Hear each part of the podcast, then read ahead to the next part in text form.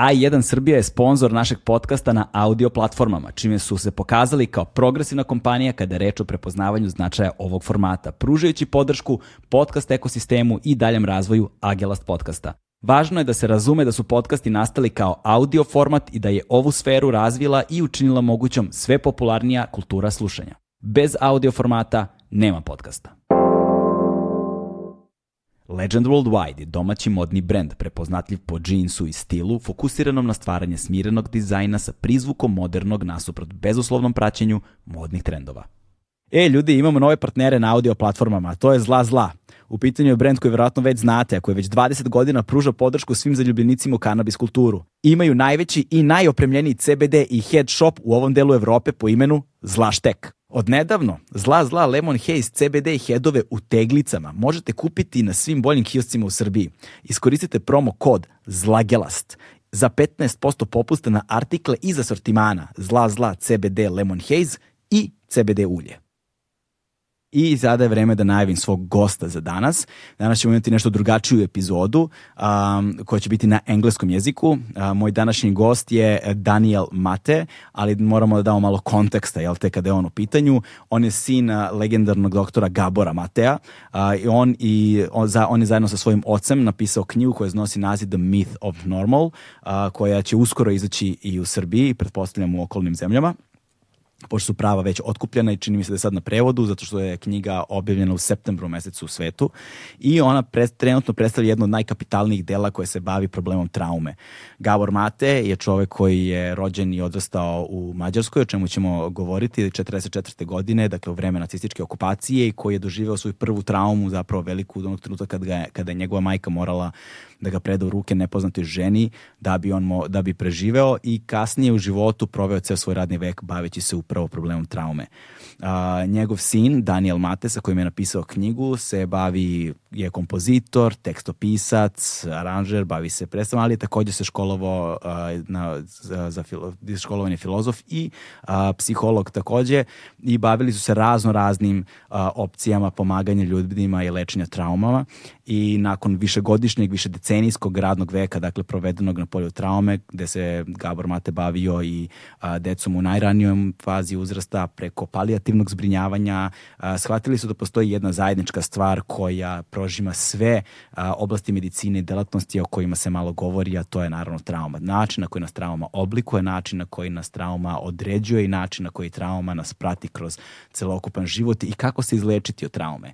Dakle, jedan agregat razumevanja a, traume u svom najširem mogućem značenju i kako se trauma a, manifestuje u toksičnoj kulturi u kojoj živimo danas. Kada kažemo toksična kultura, vr, vr, mislimo na jedan vrlo specifičan pojam, ne na onaj kolokvijalan kako ga mnogi razumeju, ali sve ovo i mnogo više saznaćete upravo iz razgovora koji sledi. Dakle, moj sledeći gost je Daniel Mate a, povodom knjige The Myth of Normal zajedno sa Gaborom Mateom. Uživajte.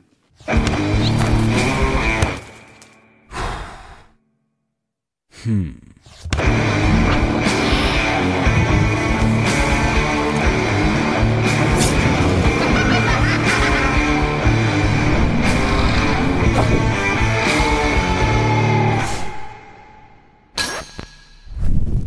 First of all, welcome, and uh, it's really a pleasure to have you here. Uh, and thank you for you know taking the time for, to do this interview because I know you just arrived from JFK, right? Yeah, I just got off the plane at Nikola Tesla, and uh, I'm really excited to be here. Thanks for having me. Yeah, it's like eight hour flight or something, right? Yeah, eight and a half. So, and it's a six hour time difference. So, where I am, it's my body is confused. Let's put it that way. and you and directly from the flight you came here, so yeah. it's it's much appreciated. Yeah, I just want to say that. And also before we start, uh, I want to give credit where credit is due, right? So I want to say thank to Jelena Djokovic for mm. introducing us. Yeah. Yes, and um, making this possible, right? And thanks yeah. to the, to the Igor, I think, and uh, people from Novi Sad who are organizing the event that you are coming here for. What kind of event is it? Well, it's called uh, Nikola Tesla's Planet. Is that what it's called? Um, and I don't know so much about it, but it's a conference I think that's about the confluence of tech and innovation and also health, mm. which I'm told that last piece is often neglected in the first two pieces. Yeah. And um, Same as medicine, right? same as medicine, same as many other specialized areas of high achievement. Yeah. And I'm not a tech guy at all. Um, and I, I suppose if I framed the word differently, I could say that I'm interested in innovation, but I've never been in like the entrepreneurial businessy kind of world. Yeah. But I'm excited to speak to people who are are looking to do what they're doing in a more wholesome, holistic, healthy way for them because it's not just for them. You know, if, if I think what we create as creative, because I'm I can relate as a creative person. I'm a musical theater artist. I write musicals. I write lyrics, um, and I know that the spirit in which we create affects not just uh, ourselves personally, but it affects the creation. Yeah, it's very interesting. Uh, we don't have a lot of English uh, po- English speaking podcasts. You know, we don't do we, we don't run away from it, but we're basically you know based here, and most of our content is in local languages, right? Yeah. But the last one uh, we had in English was also with a musician, but it was with uh, I don't know uh, I don't know if you know him, Bill Gould, uh, the founder. Hold on, hold on. Don't tell me. You're talking about the bass player of Faith No More? Yeah. Oh, my freaking God. Only one of my favorite groups of all. Are you telling me that I am the, that he is the last English speaking guest? Yeah, podcast in uh, in this podcast. Yes. I'm, So- I was literally recording a podcast episode yesterday. I'm, I'm starting a new podcast of my own. Oh, nice. In the new year called Tell us uh, the name of it. Let's Get Lyrical. Okay. And my co-host is Carice Van Houten, who's a D- Dutch actress who was on Game of Thrones. Oh, nice. She played Melisandre, and we're both lyric enthusiasts, and we've become fri- friends recently. So we're starting, we're doing this show, and our very first episode, uh, we each brought three song lyrics that um, express something, like as introductions to ourselves, you know. And it, it, what was funny is that we each brought a Joni Mitchell song. We didn't actually plan it that way. We didn't tell each other it was going to be. Um, but one of the other songs I brought was by Faith No More. Oh yeah, which one? Uh, Everything's ruined.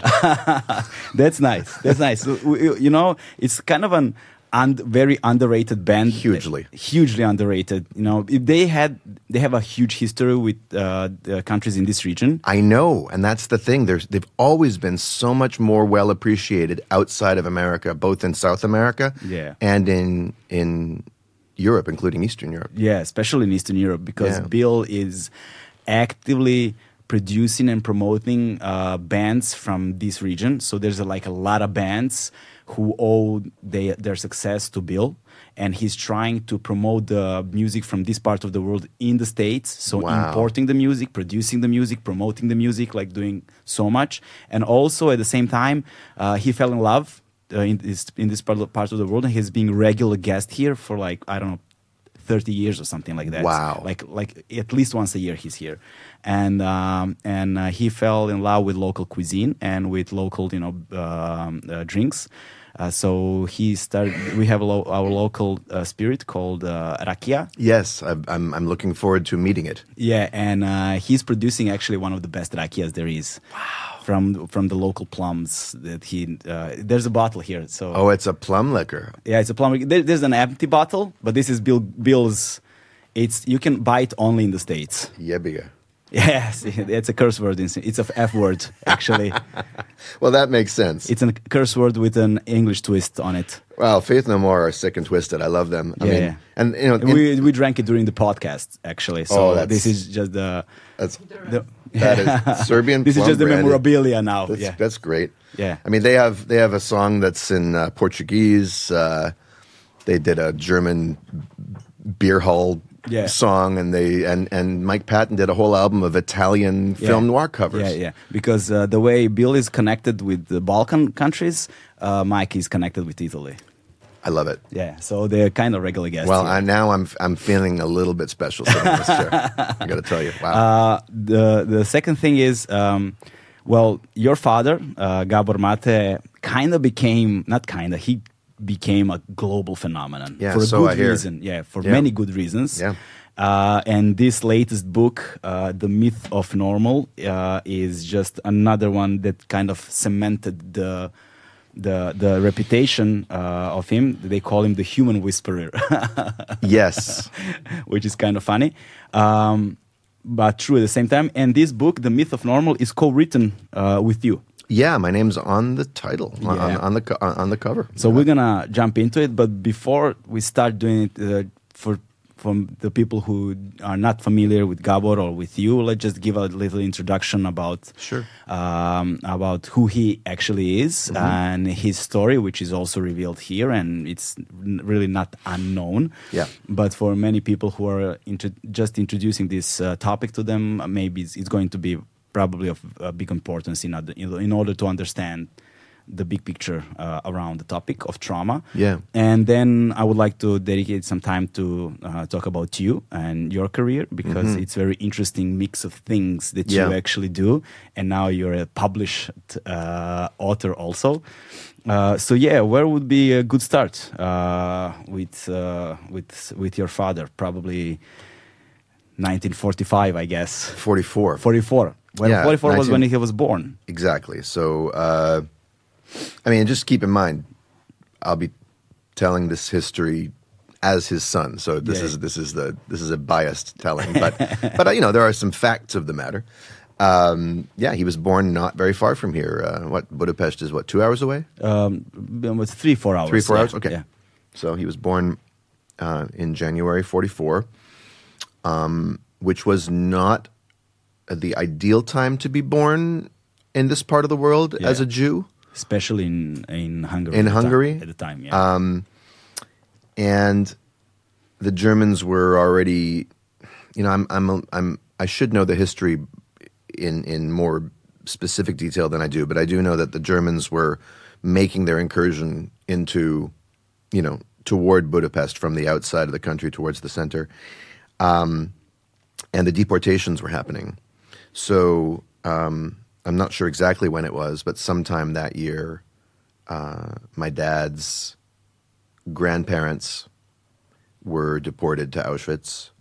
Um, his father, my grandfather, Andor, um, and now there's a Star Wars show named after him. Obviously, Andor. Uh, Do you know that show, Andor? Is No, the- no, no. Disney Disney Star Wars has Dis, uh, anyway. Oh, this that- is, that- that's the the lead character. Yeah, the lead character, Andor. right? Yeah, Oh, But okay. Andor was my my my uh, grandfather was away in a forced labor camp um, with the uh, the Hungarian army, and I think I think a friend smuggled him in, like hiding the fact that he was Jewish. Um, and it was a dangerous time. It was just a really dangerous time, and they were living under terrible, terrible conditions, and the Jews were forced to move into a very small area of the of the city, you know, the Budapest ghetto, um, and you know, because my gr- my grandfather did get, I think, like a two week leave to come home and see his son, but after that, he didn't. My my dad didn't see him again for another year, and my grandmother, uh, Judy, um, didn't have much news from him, or they didn't have news of each other, so they really didn't know if the other was alive or dead. So it was just an extremely stressful, stressful time. And my dad tells the story of how um, his mother called the pediatrician a few days after he was born, saying, "Can you come see us? Gabor is, won't stop. He won't stop crying." And the the doctor said, "Of course I'll come, but I should tell you, all my Jewish babies are crying." Mm. You know, and the point that my dad makes there is, you know, well, what do Jewish babies know of Nazis and genocides and world wars? They don't. They they what they feel is the stress of their parents, the emotional absence of their parents, which has nothing to do with a lack of love, anything but. It has to do with just people having limits, you know, and and and the emotional realities that people live in is what gets transmitted to the child, not the conscious intentions of the parents. And you know, my grandmother was a hero, mm-hmm. and she kept him alive by heroic means. At one point, they managed to find refuge in a, I think it was a Swiss operated. I might be getting maybe I'm getting this confused with Schindler's List. I you know I, I, I find myself more vague on the details than I really ought to be. But they there was it was a, a converted glass factory and but just overrun with families. You know, latrines in the court, no no bathrooms, just very unsanitary. My dad had dysentery, um, you know, almost died, and at a certain point, not on a whim, but on a strong gut feeling, my grandmother, on the spur of the moment, I would say, handed him. I think he was maybe eight or nine months at this point. Handed him to a non non Jewish woman on the street and begged her, "Please take my baby to these relatives who happened to be living in relatively safer circumstances. And because she had no faith that she herself was going to survive, and she knew that he wouldn't. And this woman, you know, talk about another hero, you know, conveyed him safely to these relatives, and um, I think it was six weeks apart. Mm. Maybe it was fewer. I don't know. You'll you have to go back and read the book. I, again, I'm forgetting the details, but you know, it was severe separation from his mother to save his life. So these were the circumstances of um, his birth. And meanwhile, you know, my grandmother got word that her parents had been exterminated in Auschwitz. Her sister had been my uh, my great aunt Marta had been deported uh, to Auschwitz with them, but she actually survived. Um, uh, but they didn't know that until afterwards when she came home in a Nazi guard uniform because that's the only clothes she could find after the camps were liberated.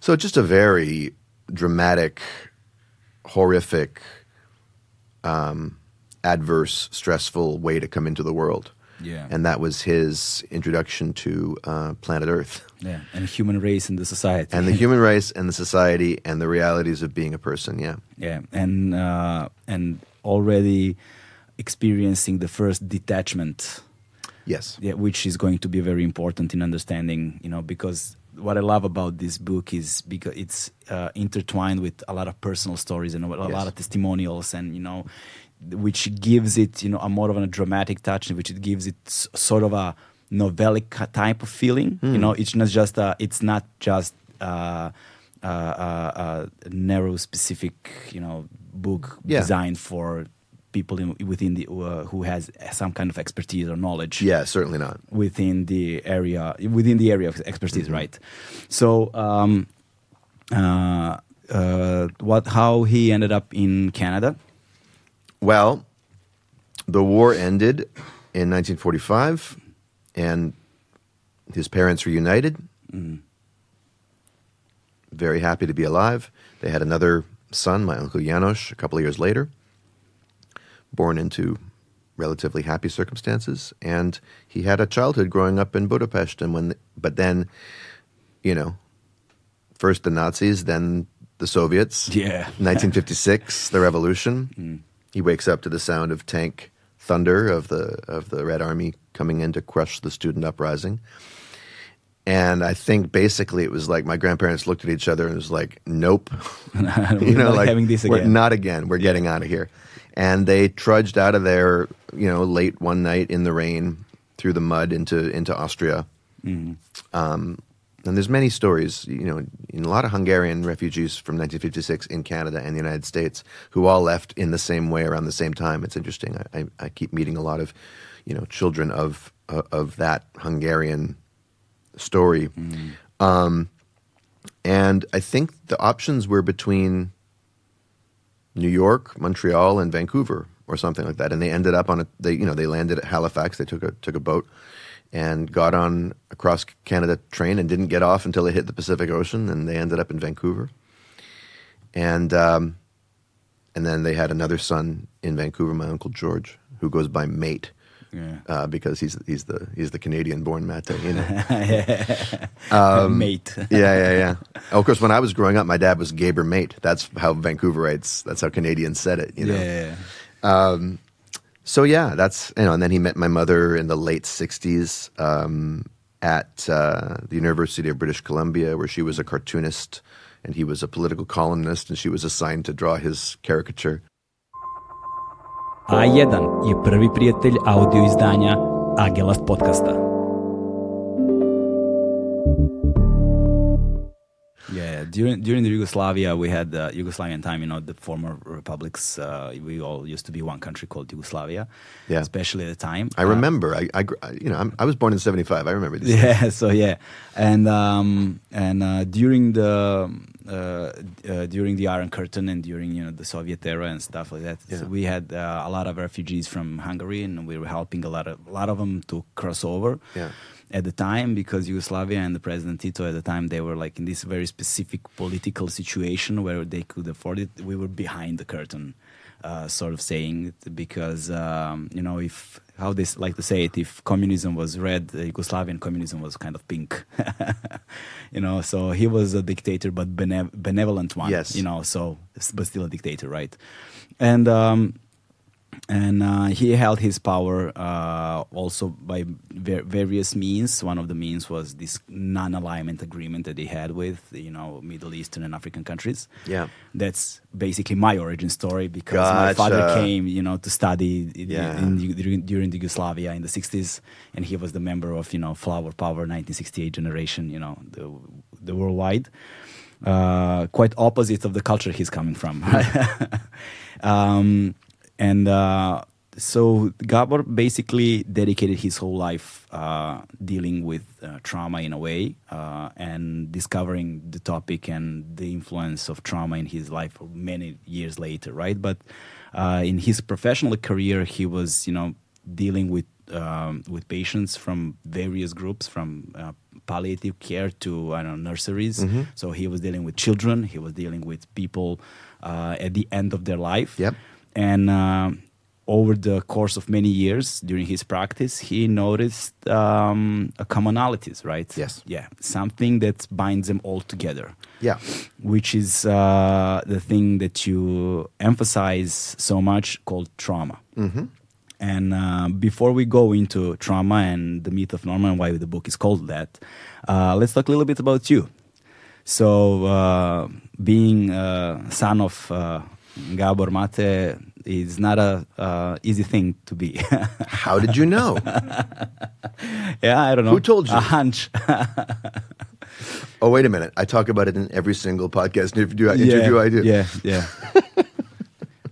but he's also tell telling the story too. It's- so, it's yeah. true. So, It's yeah. true. So it's coming from both sides. Yeah. His reputation precedes me. Yeah, yeah, yeah. Um, yeah, look, look, not being anyone's son isn't easy. I haven't met a single person who, when they actually tell the truth about it, has an uncomplicated relationship with both of their parents. You know, um, my dad. But you see, here's the thing. One of the things people maybe don't realize is my dad wasn't always the Gabor Mate when I was growing up. I mean, he was, but on a, such a smaller scale yeah.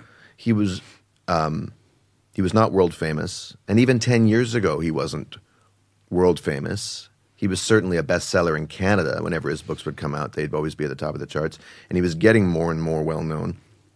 And when he started going on programs like Democracy Now about 10 years ago in the United States, then his following in the States and you know his speaking schedule has spread out. But when I was growing up, he was just a family doctor. And he wasn't working in palliative care or doing the addiction work. He was an obst- obstetrician. He was delivering a lot of babies. He was a he was just a busy doctor. And what set him apart from other I know I'm speaking about him now, but this is just in, if I'm going to tell my story accurately, it, it's important to know that I didn't grow up with a with a worldwide celebrity as a father. That's happened much, much, much more recently. Yeah. Um, Fortunately. Yeah, really. No, really. Yeah, because it was it was it was rough enough. Um, and I think we're we're both older and wiser and able to handle it better. Um, so, but you know, he was just a busy local doctor, very much in demand. And I think what set him apart was that he was working, uh, you know, on Vancouver's east side with working class clients of diverse, you know, a lot of immigrant clients, people he could relate to. He's always been someone who he's always had that Eastern European kind of scrappy um, you know, he's a he's a he's a he grew up a, a proud little communist. He, he and then he got disillusioned to that, but he's always had a, a sense of um, solidarity with ordinary people. And unlike a lot of doctors who wanted to specialize and and and have you know well heeled clientele and and and work and um, sort of have an easy uh, uh, go of it. He he always wanted to go where the where the pain was, where the difficulty was, and that, that's true for a lot of doctors too, I guess.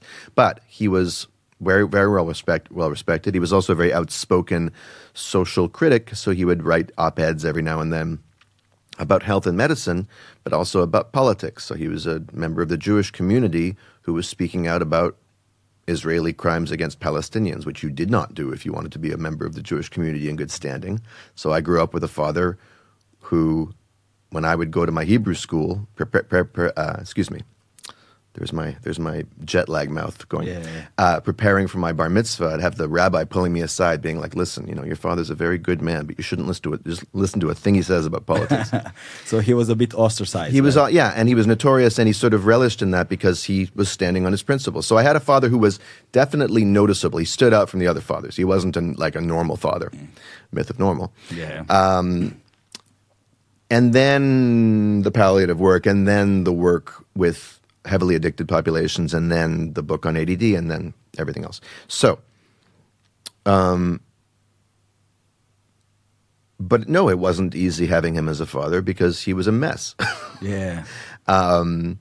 and maybe m- in some ways a more obvious mess than some other fathers. Like he, he was, um, he was a very, he, has, he had a very dark side, and still does, but he's much more in, in command of it now. He's much more responsible for it now, and also I don't have to live under his roof, and I'm 47. But as a kid, I have this very important, intense doctor father who loves his work, and pretty much would rather be working than anything else, including hmm. spending time with the family a lot of the time. Not always. There were a lot of really good times, but it was inconsistent enough that, and that's what children need is consistency. Hmm. It doesn't matter if the parents feel love towards the kids or who they can be at their best. The question is, what message does the child internalize overall? What's the gestalt? What's the, you know, and if my dad loves me and delights in me 40% of the time, and rages at me 20% of the time, and the other 40% of the time is cold and distant and is listening to his classical music with the you know the Mahler or the Beethoven bla- or the Bartok, never mind that, blaring in the living room. While the message I'm going to receive is that you know the bandwidth for being loved is pretty Narrow. narrow, and then I'm going to internalize things about myself, and that's my that's that becomes the template for the trauma that I then carry. So, mm-hmm. and I'll get to your question about trauma through this. Um, so yeah, he had rages, he had moods, he had physical absences, absences, and then there was his relationship with my mom, which was a very, uh, it was kind of a war zone in itself. You know, I've called their marriage a jihad in some ways, and I don't mean that in the in this in the in the pejorative. Um, you know, when people apply that to terrorism, I don't mean that. In colloquial terms, yeah. No, but I mean the literal meaning, a holy war. Yeah. Because it was like they were.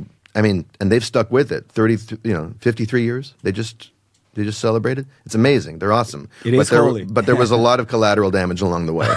Yeah. and my mom has said publicly um, that had she, you know, if she could do it over again, she would have left him when we were small. And she trusts that they would have found their way back to each other Oh yeah. but that it would have been better for her and better for us. And I, I can't disagree because it was so fractious, it was so unpredictable, it was so dramatic constantly.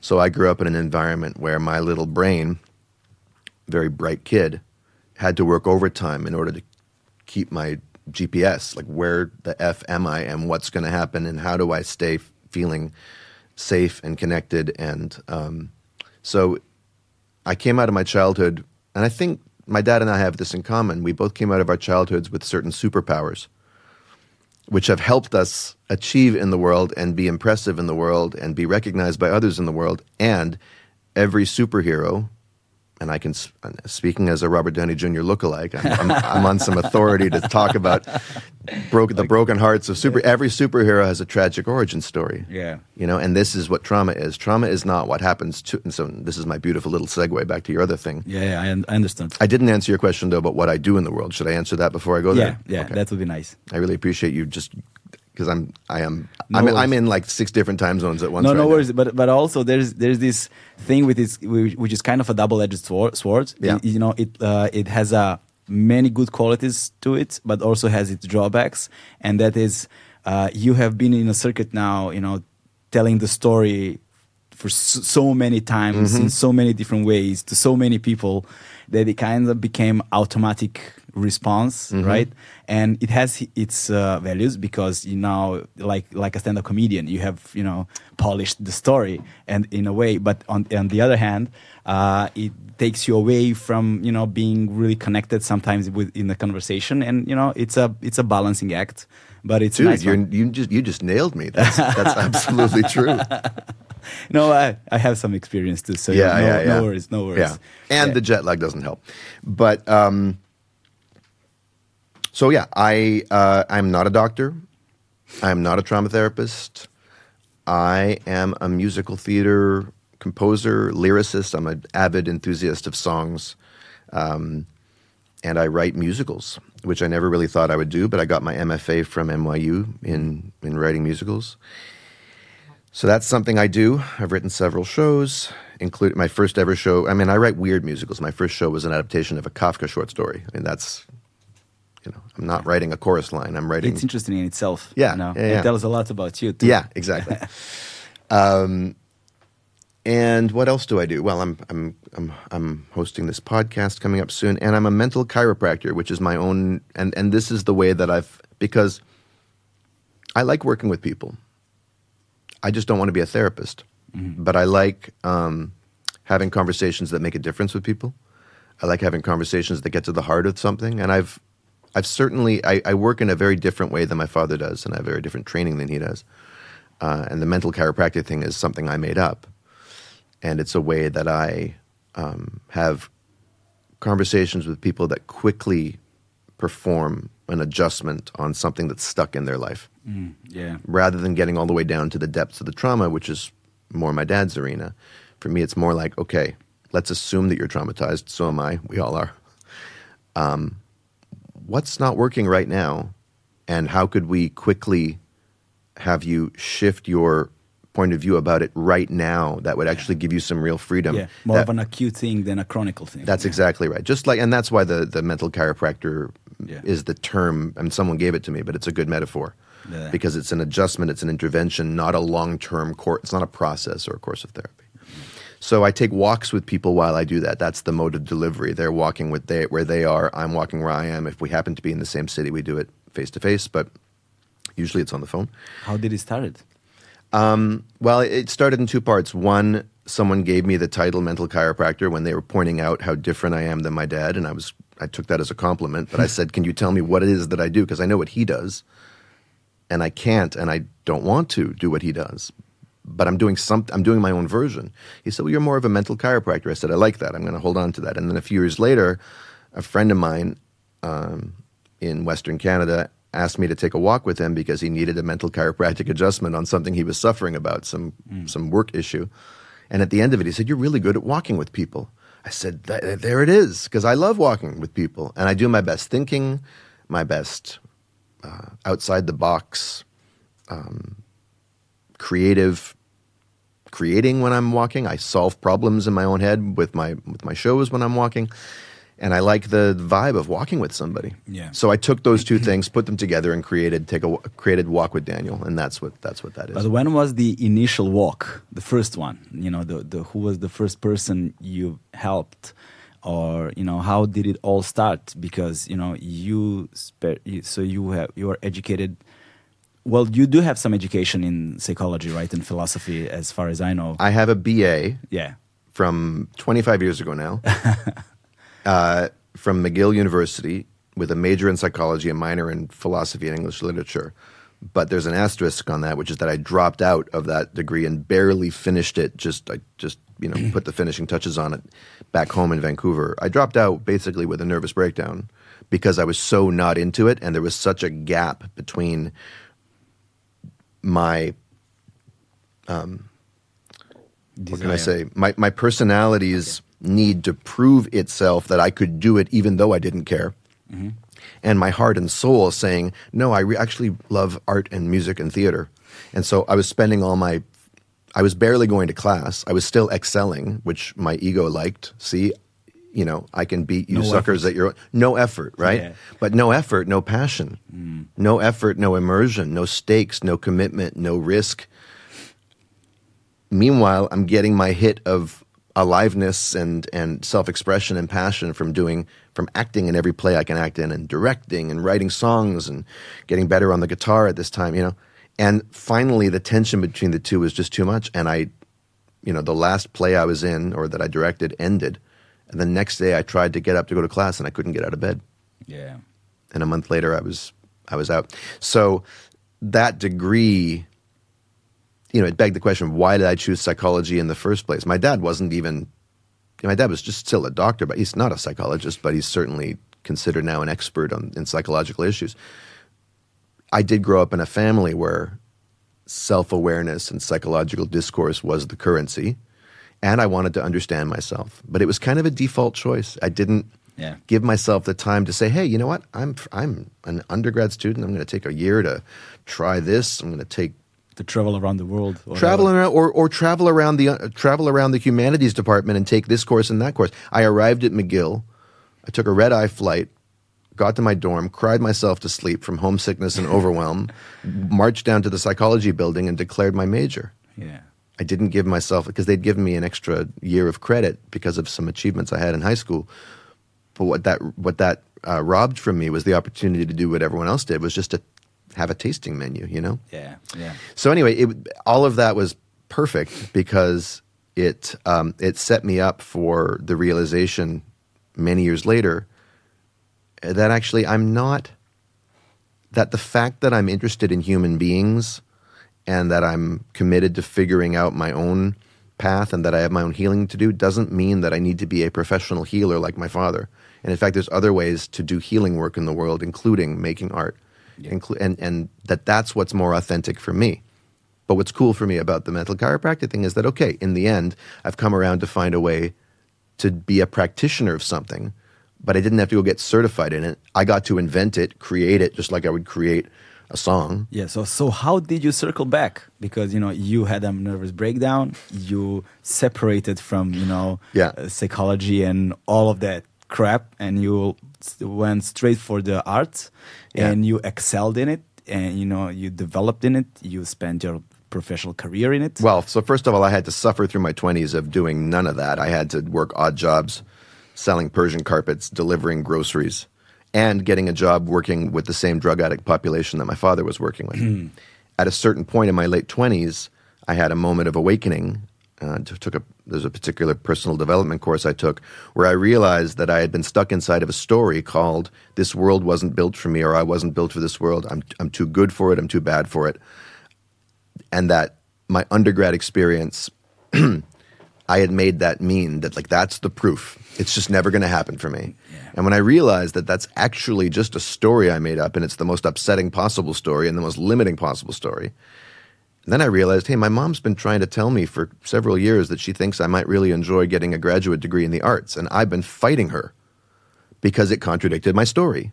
Oh, it feel, it fits so well into the narrative. Uh, perfect. You know this is this is this is my little my little of of creating your own reality and then living it. you we always find evidence for for what we need to believe is Yeah. true in order to you Quote, know explain evidence. exactly no no but, and it's airtight inside of our working theory inside of our our our experience and when i had when when i busted out of that it was like neo waking up out of the matrix or like taking a virtual reality helmet off that i didn't realize i Wait was wearing That's that's like a blue pill. That's a or a red pill. I al- I always mix. I up the always pills- mix up the two. pills, Yeah, yeah, yeah. but it, it was the pill that is the is the riskier one, but the more rewarding one. Yeah. You know, um, and of course, there's always a part of us that wants to be like the guy who says, "No, I'm gonna I'm gonna sell out my friends for the steak dinner." But Yeah, but yeah. fortunately, I you know, and and when I woke up to that, I realized, oh my god, I would love to live a life where I'm an artist. I mean, that hadn't died in me, but it was killing me to be. It was slowly kill. It was killing me softly, Yeah, not yeah, not yeah, to yeah. be and not in a good way. Yeah. To Starving be artist. I was starving. Exactly. Rat.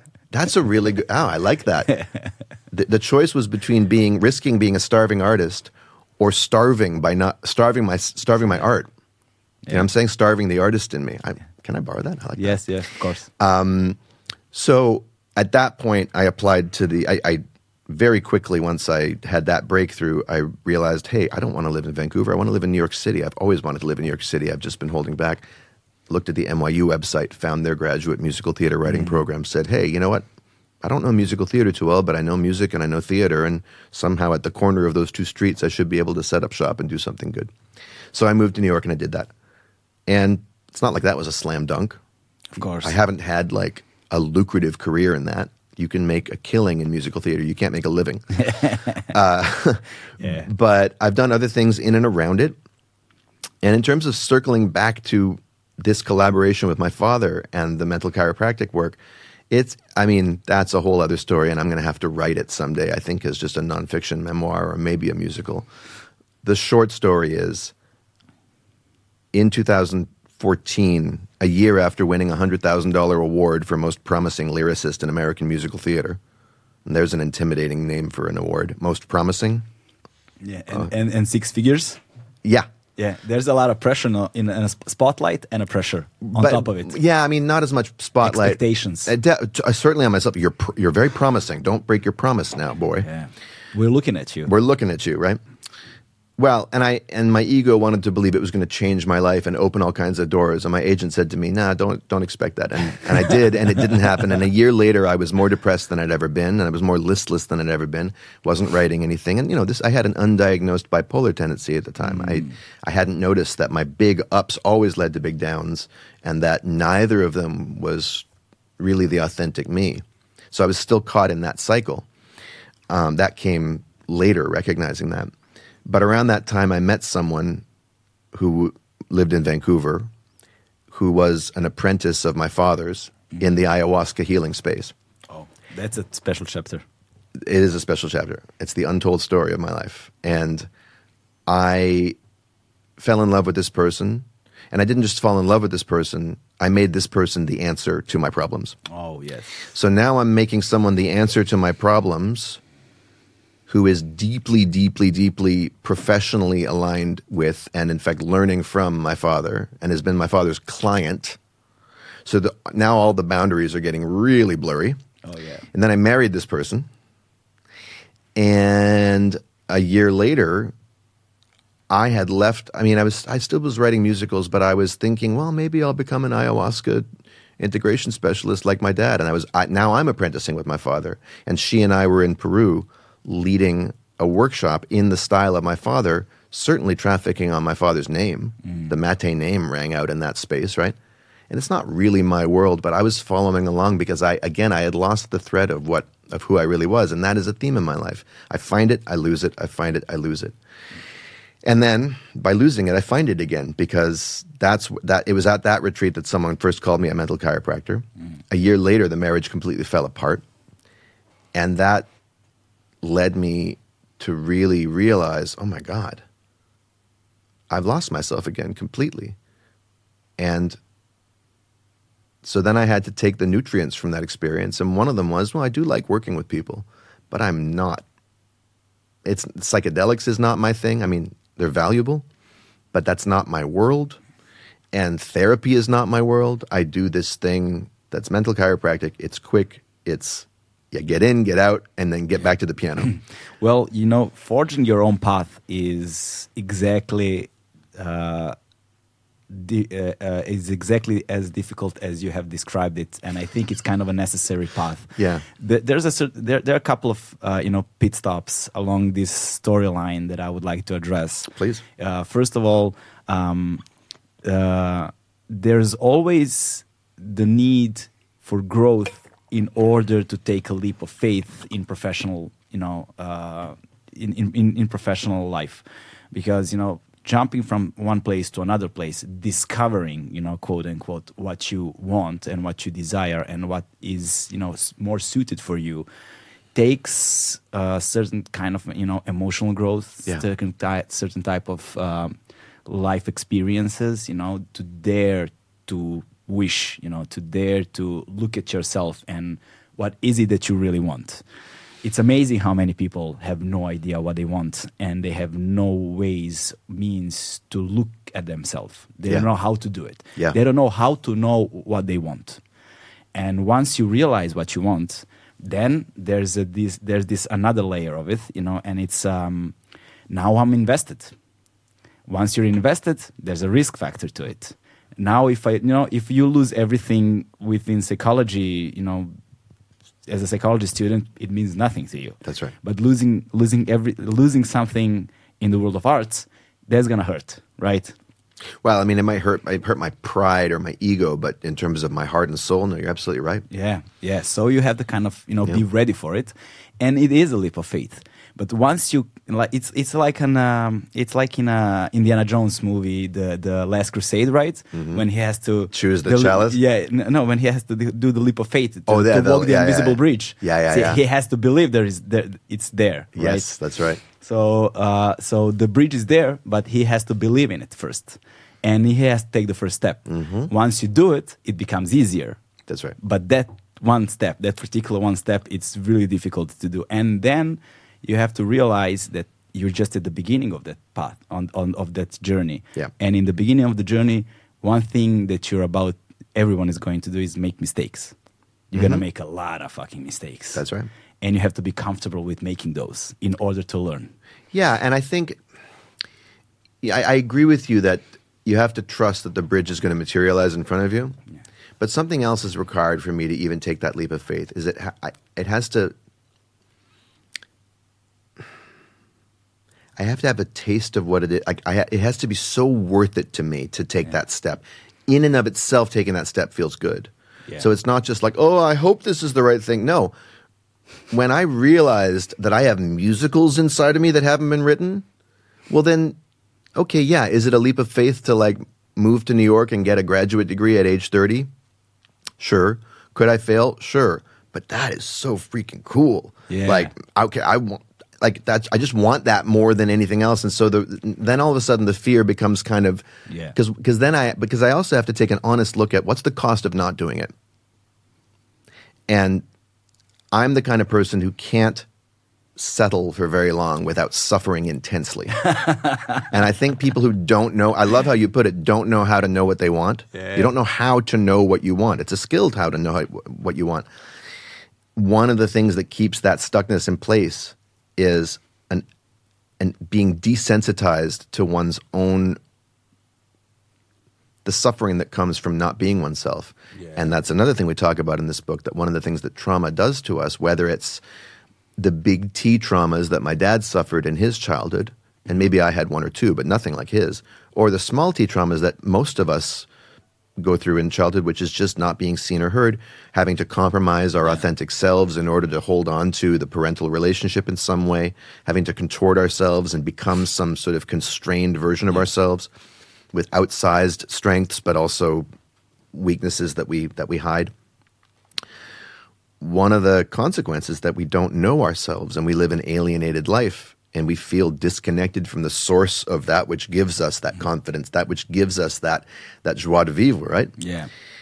But once you get back in touch with that, it is so delicious that mm-hmm. not to act on it after a certain point just becomes silly. Yeah. And so I I almost don't I try not to talk to people in terms of, well, you know, it's a real big risk. You're gonna I'm like, no, just just be honest. What's it like when you're not embracing your like when you don't know what's it actually like to not know who you are?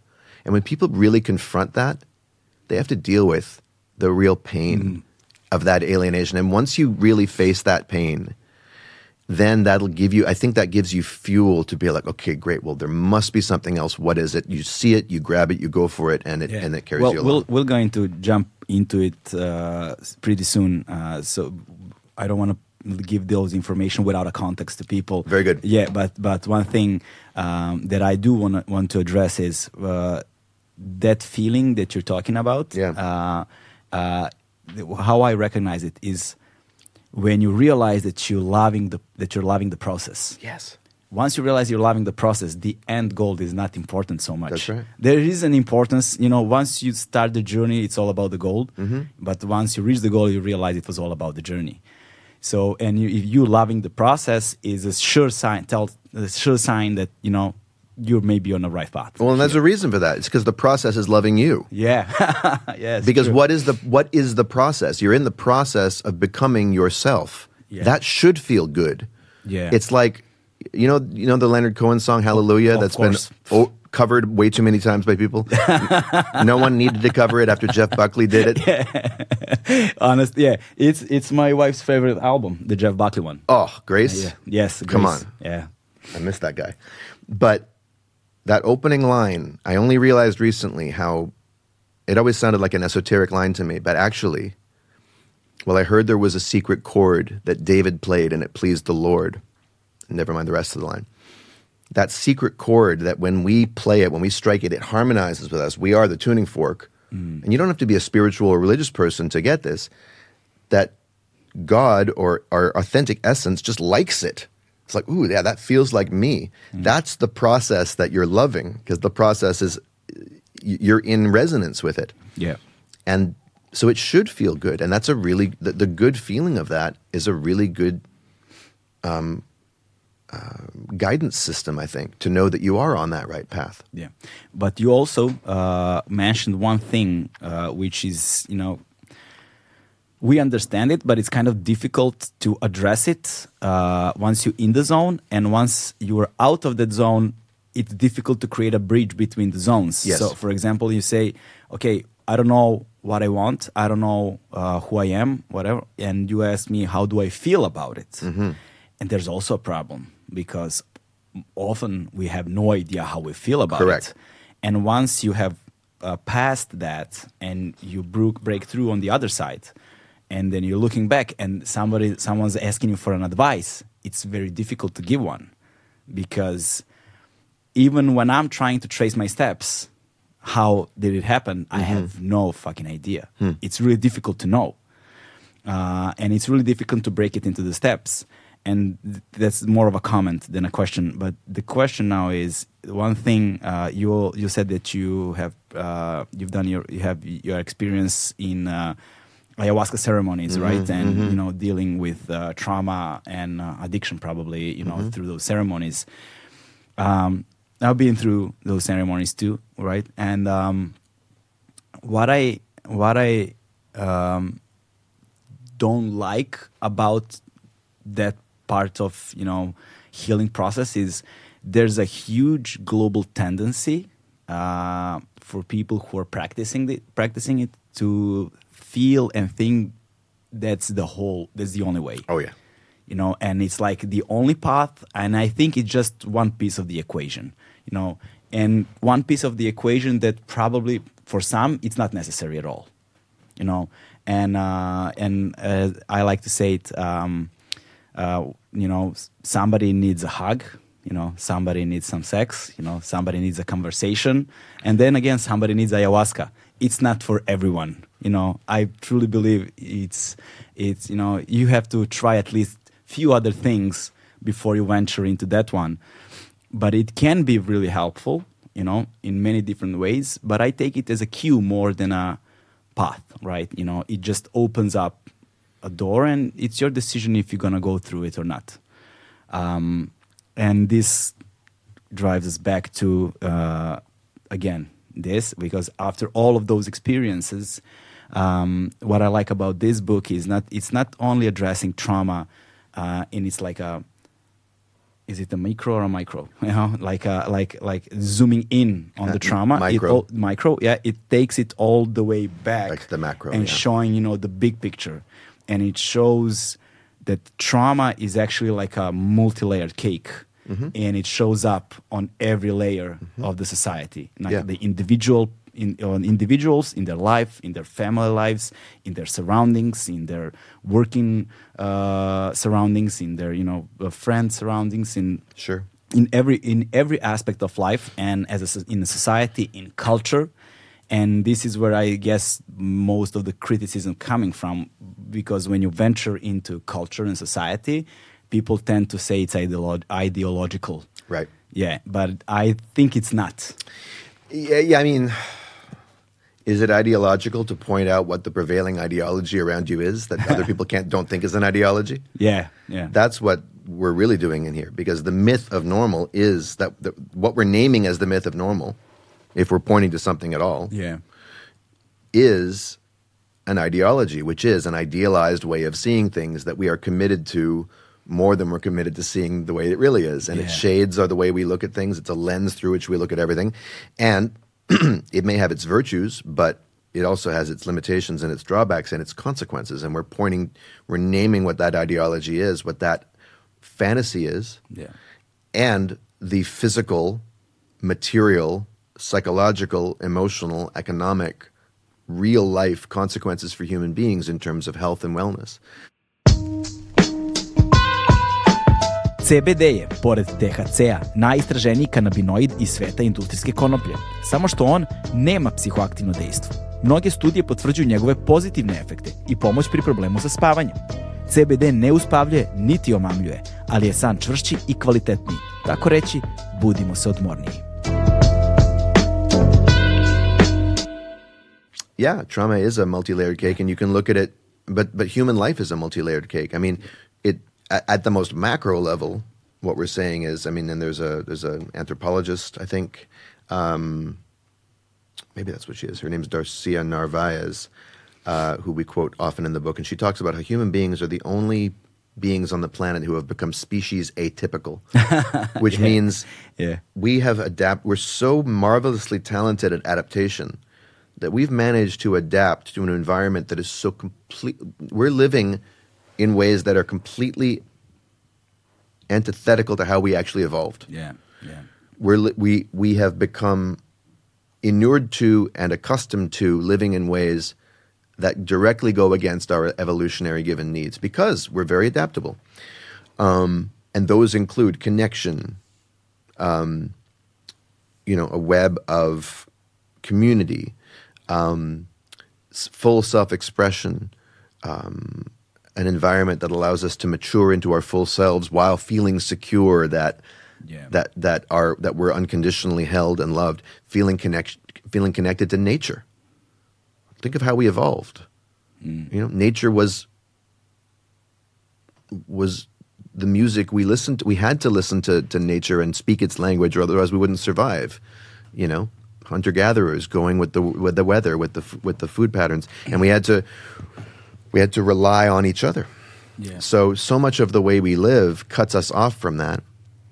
So that's at the most macro level. So that, that there is a trauma, there's a species wide trauma of there's this thing called human nature, which is correlated with what human beings evolved to need.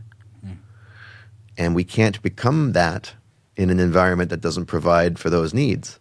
So that's a fundamental rupture from our essential nature. So we're walking around kind of, you know, Yeah. lost on that level. And then there is trauma within nations, right? I just landed in a country that has some trauma in its Oh, a lot of trauma. in its collective past, and you know. it's and it's the one thing that you tell this it's the one thing that you're uh, tell, uh, talking about a lot here it's generational generational Absolutely. trauma generational trauma so that's why i always tell people whenever they like um uh, uh, uh um, whenever they dismiss anything like i have no ideologies and then i'm like no you have an ideology of not having an ideology That's exactly right.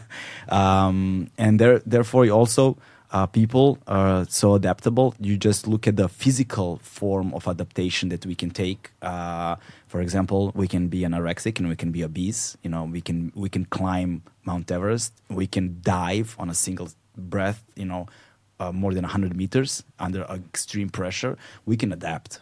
You know, we are we are capable of adapting. We can go fasting. You know, and and without food for That's right. very long time and uh, you know we can do various different things We can Uh, live in the North Pole. We can live in Ethiopia. yeah in tropical areas or whatever Yeah. we can adapt Yeah. and if we can adapt in our physical form so much how much we can adapt in our you know spiritual emotional you know whatever psychological form And the, and this is the rub.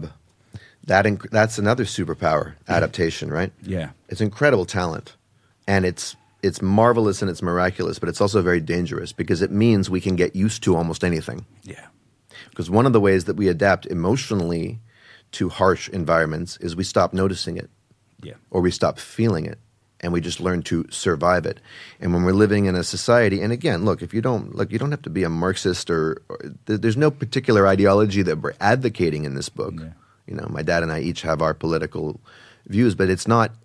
The point is not to replace capitalism with something, but it's to look at capitalism honestly. is what it is You're living in a society that basically says it's natural and fitting that human beings should live in in in in tiers, you know, T I E R S of comfort Yeah. and power and subordination over each other.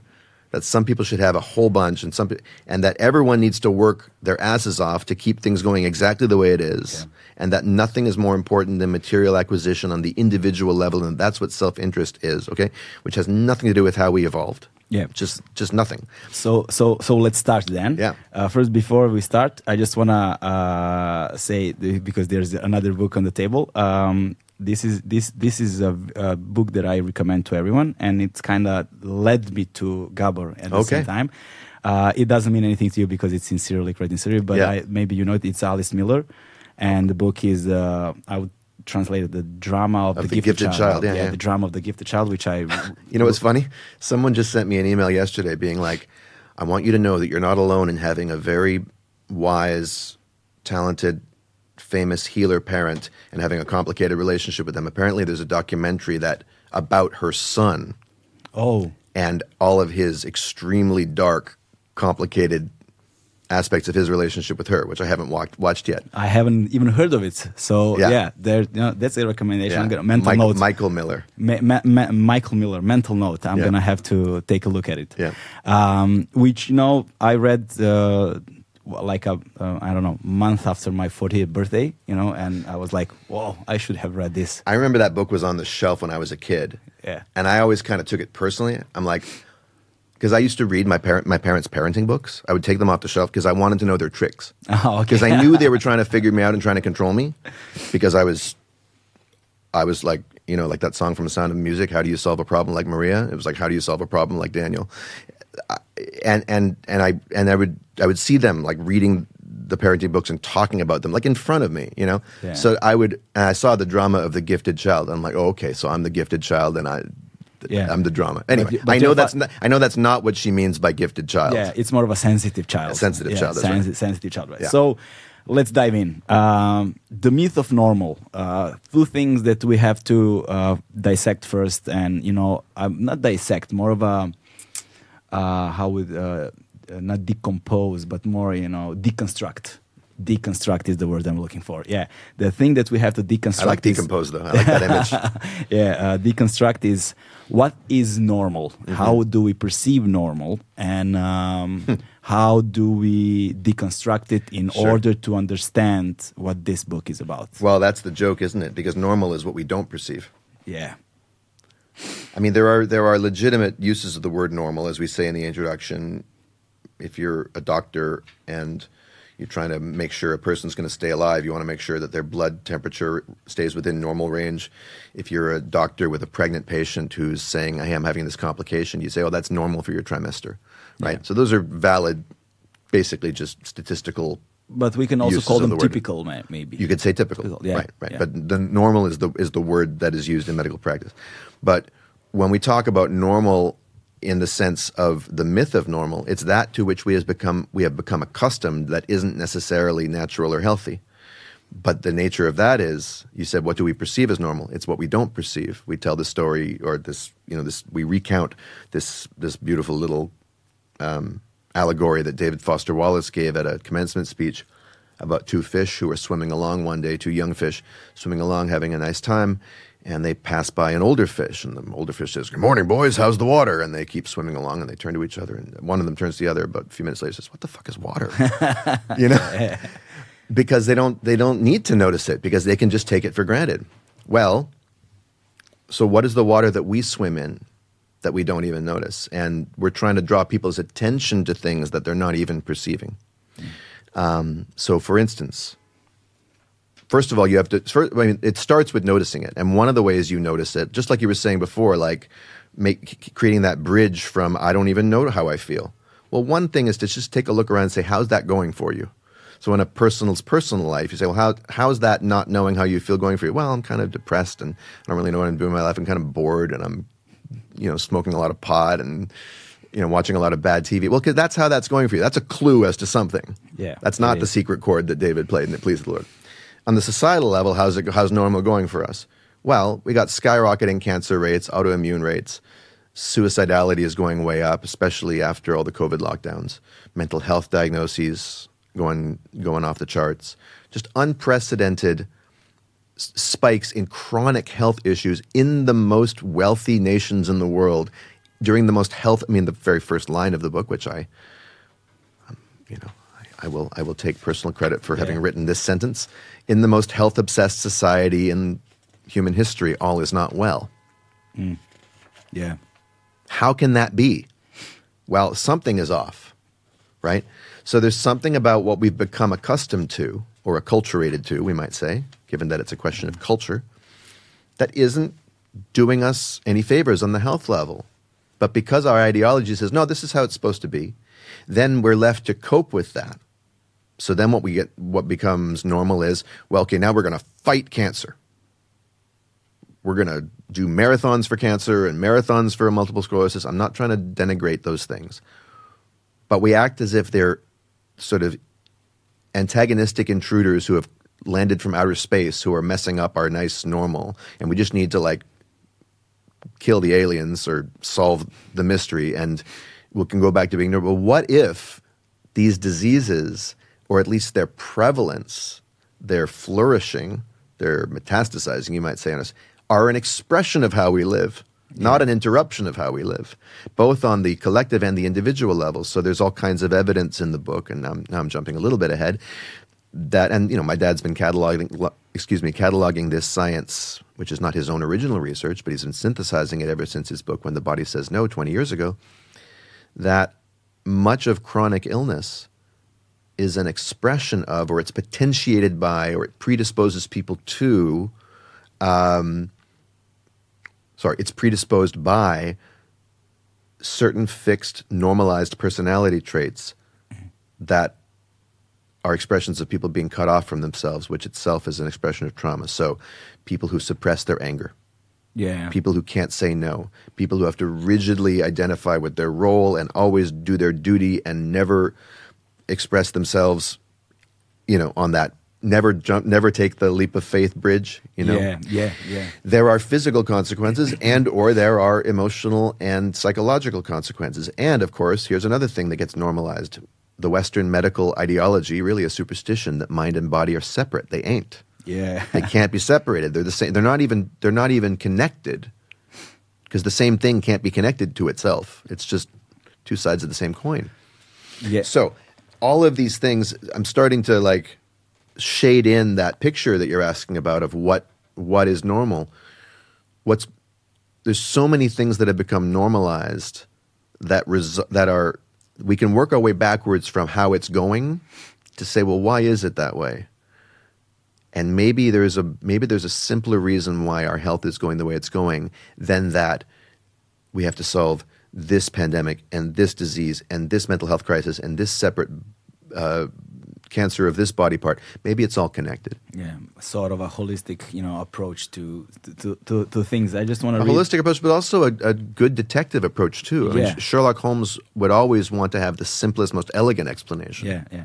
How uh, it doesn't matter how much, how improbable, you know, if it's the only one, the left. It only seems improbable because we're looking at it in a Yeah. in, in, in a way that have, that Um, we've become used to. this Erich Fromm uh, the Sane Society quote is perfect for the book. Yeah, Fromm, so, yeah. so I just want to read it. Uh, I don't want to paraphrase it, right? The fact that millions of people share the same vices does not make these vices virtues. Mm-hmm. The fact that they share so many errors does not make the errors to be truth. And the fact that millions of people share the same forms of mental pathology does not make these people sane. It's so it's so nice. It's so well put. Yeah. Uh, it's all well put. And also uh, the, the the myth of normal, trauma, illness, and healing in a toxic culture. Yeah. So there's another thing that we have to put in the mix. Yes. It's a toxic culture. Yes. And regarding the the fact that the, the one of the most surprising what I love about the book also is uh, it sort of it doesn't shy away from its sources. No. uh, it sort of sort of you know you you can use it also as an aggregate of various different um, authors uh, and, and and people who had a lot of experience in in practice. All all of them put together in Yeah. a very well. You know, the, the book is a conference. Uh, it's like a, it's a clearing. It's like it's like my dad. I mean, I think he interviewed 250 people. He Yeah. gathered 25,000 articles. It's a crazy amount How of research. was the research research uh, actually? Ten, 10 years, I think literally 25,000 articles. That's a lot. You know, you had to go through all of them. I didn't. no, I came aboard relatively late in the process, of, Yeah. you know, with four years to go. My job was to make sure the damn thing got written. Yeah. and that it was readable. Yeah. But but but but but but that that's but, not a, that's no easy feat. no, not with this much material. I mean, my dad's a good writer, but we wanted this book to to have a little bit of um, a bit more. I mean, we wanted this to be for the broadest possible audience, Yeah. both geographically and culturally speaking. yeah. No matter what your politics are, Yeah. no matter what your education level is, and I tried to bring in um, just a bit more lightness, a bit more of a contemporary feel, you know, things Yeah. like that. But the work, the the research, incredible amount of work went into Yeah. this on his part. one of the most uh, the one of the hardest one to take for me of all those uh, mm, uh, um, from all those uh, I lost the word um, examples right uh, was the, the the the connection between agreeable people and ALS. It's like that once the, the once uh, I've read that I was like that's not possible. Well, especially given the study that we cited, where where nurses basically were asked to predict based on just meeting patients or reading their personality profiles which of them would get ALS or which would test positive for it. And their success rate was something like 85%. and they would say, This person can't have ALS, they're not nice enough. and when we say nice, we don't mean kind, we don't mean, we don't mean benevolent or, or, or good hearted. We mean excessively uh, to a self abnegating degree, always putting other people's needs first, suppressing one's own no, suppressing one's own anger. That kind of compulsive niceness that you mm-hmm. can just feel with somebody, which has a kind of tension underneath it. Why is there a tension? Because they're stuffing down their own feelings and they don't, and that's the thing on the individual level. They've completely normalized it for themselves. Yeah. So they don't even know they're doing it, which is, and there's a reason for that because those coping patterns come from childhood as a way to survive trauma- traumatizing situations. It's if we gather from our childhood environment that if I'm angry, mommy and daddy won't be okay, or they won't love me, or I won't get the love I need. Well, it's not enough for me to say, well, okay, maybe just consciously hide it from them every time they're around. No, much, much better if my brain says, okay, let's forget how to be angry. Yeah. Let's stuff it away. Let's normalize being nice and just always being agreeable. And if you think about it for one second, uh, my dad always makes this analogy, and I think it's it's pretty self evident. The immune system and the and the anger system, the emotional system, have exactly the same purpose, which is to welcome in good stuff and keep out the bad stuff. Yeah. But if you teach, if if you if you enforce on your emotional system, don't don't be angry. It means that you'd never get to say no, which means you have no say over what's coming in and what's going out. And since these systems are not only connected, but in fact unitary, you're messing with the immune system. And what, are, what is autoimmune disease? Literally, it's the immune system attacking itself, getting confused about what's good for it, what's bad for it. So, yeah, it's, it's crazy. Uh, not crazy in the sense of insane, but it's, it, it's, it, it seems outlandish when you first Yeah. when you first read about it. But that's just one data point among so many that we try to bring in to show that all these things are connected. And of course, Western medicine doesn't want to see those connections. Um, oh, well, the, that's that's one thing. So many so many uh, lights are you know uh, are, are on now. And and one light that's on is my bathroom light. Do you mind? Could I? yeah, yeah, go, uh, go. right, no problem, no problem. Let's make a break. Sa tradicijom dugom skoro tri decenije, Legend Worldwide je prepoznatljiv domaći brend sa akcentom na jeans, pre svega, koji odlikuju bezvremenski, klasični modeli.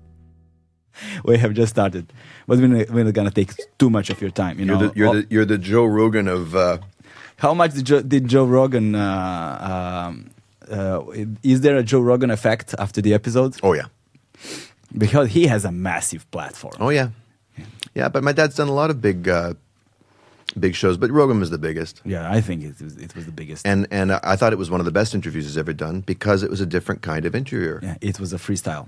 freestyle and someone who's not in not inside necessarily of the same sociocultural world that many of Yeah, you know like he, he he's not a he's got a new age side to him but in sort of a dude bro kind of way yeah, and he's Yeah, got and he's yeah. got listeners who are also Jordan Peterson fans yeah. yeah. and you know like there's no reason what we're saying in this book shouldn't speak to anybody Yeah. you know but But I think there was a Jordan Peterson reference at, this, at one point. He, he, he, he, missed. he, well, he didn't. I, he didn't name the name, but yeah, yeah. and, and uh, but I think it went over his head. might know, have, the- might have, might have. But what I liked was that there was one moment where Rogan um, pushed back slightly on something my dad said. Yeah. Because my dad was talking about you know um, what was it failure.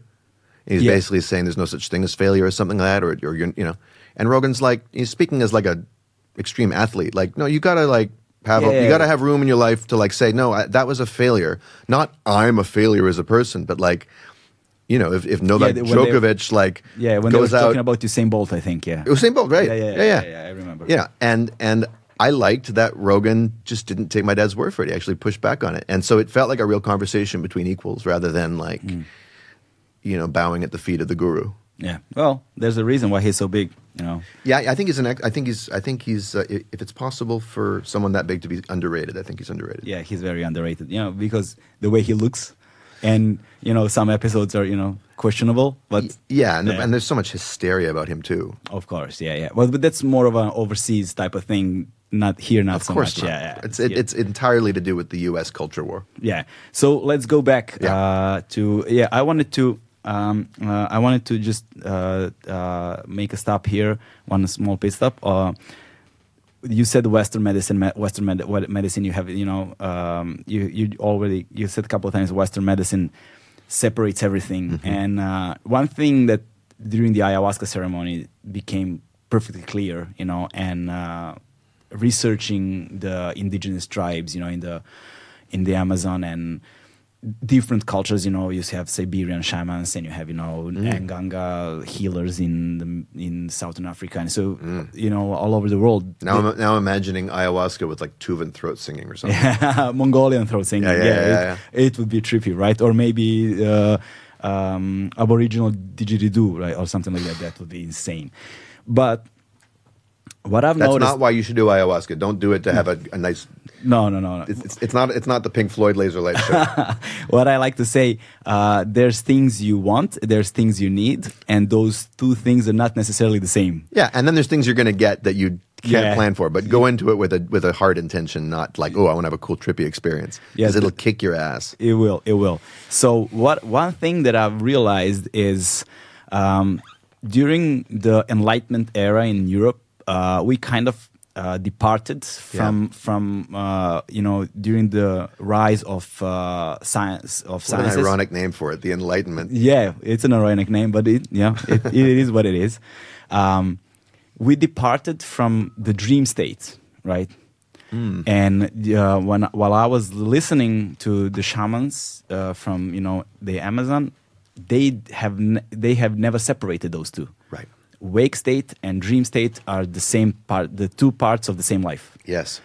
and uh, they make many decisions depending on what they have what they have dreamed last night or they're waiting for a dream to come in order to make a decision which is why it's so difficult to make an agreement with them because you can wait for them a day or two months or two years until they have you know the vision right Yeah. Well, they're not divorced from the mythic. Yeah. And that, now we're talking about myth in the positive sense Yeah, of the word, which is at the end which of the we book. return to at the end of the book, Yeah. which I insisted on because the word myth has a pejorative connota- connotation, which is like old wives' tale. It's just a fan, it's just a story. It's just an untruth. But human beings have learned from and grown from and built culture around myth in a very powerful, positive way. Our entire uh, existence. And what you're talking about is the divorce from being able to see the more than human, the the you know that's that that dr- the dream state, the, the, the the dream reality that is also part of the of the reality, which is also yes exactly which is also part of the reality you know until the which is the connect, which is where everything is connected. Because in dreams, everything's connected, right? yes. That's why we dream to connect dots. and uh, the psychoanalysis, the birth of psychoanalysis, kind of, you know, pushed back on and and, and Especially with it- Jung. yeah, especially with Jung, put it back Yeah. where it's supposed to be, but still left separated. Sure. still left separated. We do Conscious, analyze. unconscious. Yeah, we do analyze the dreams uh, and in therapy, right?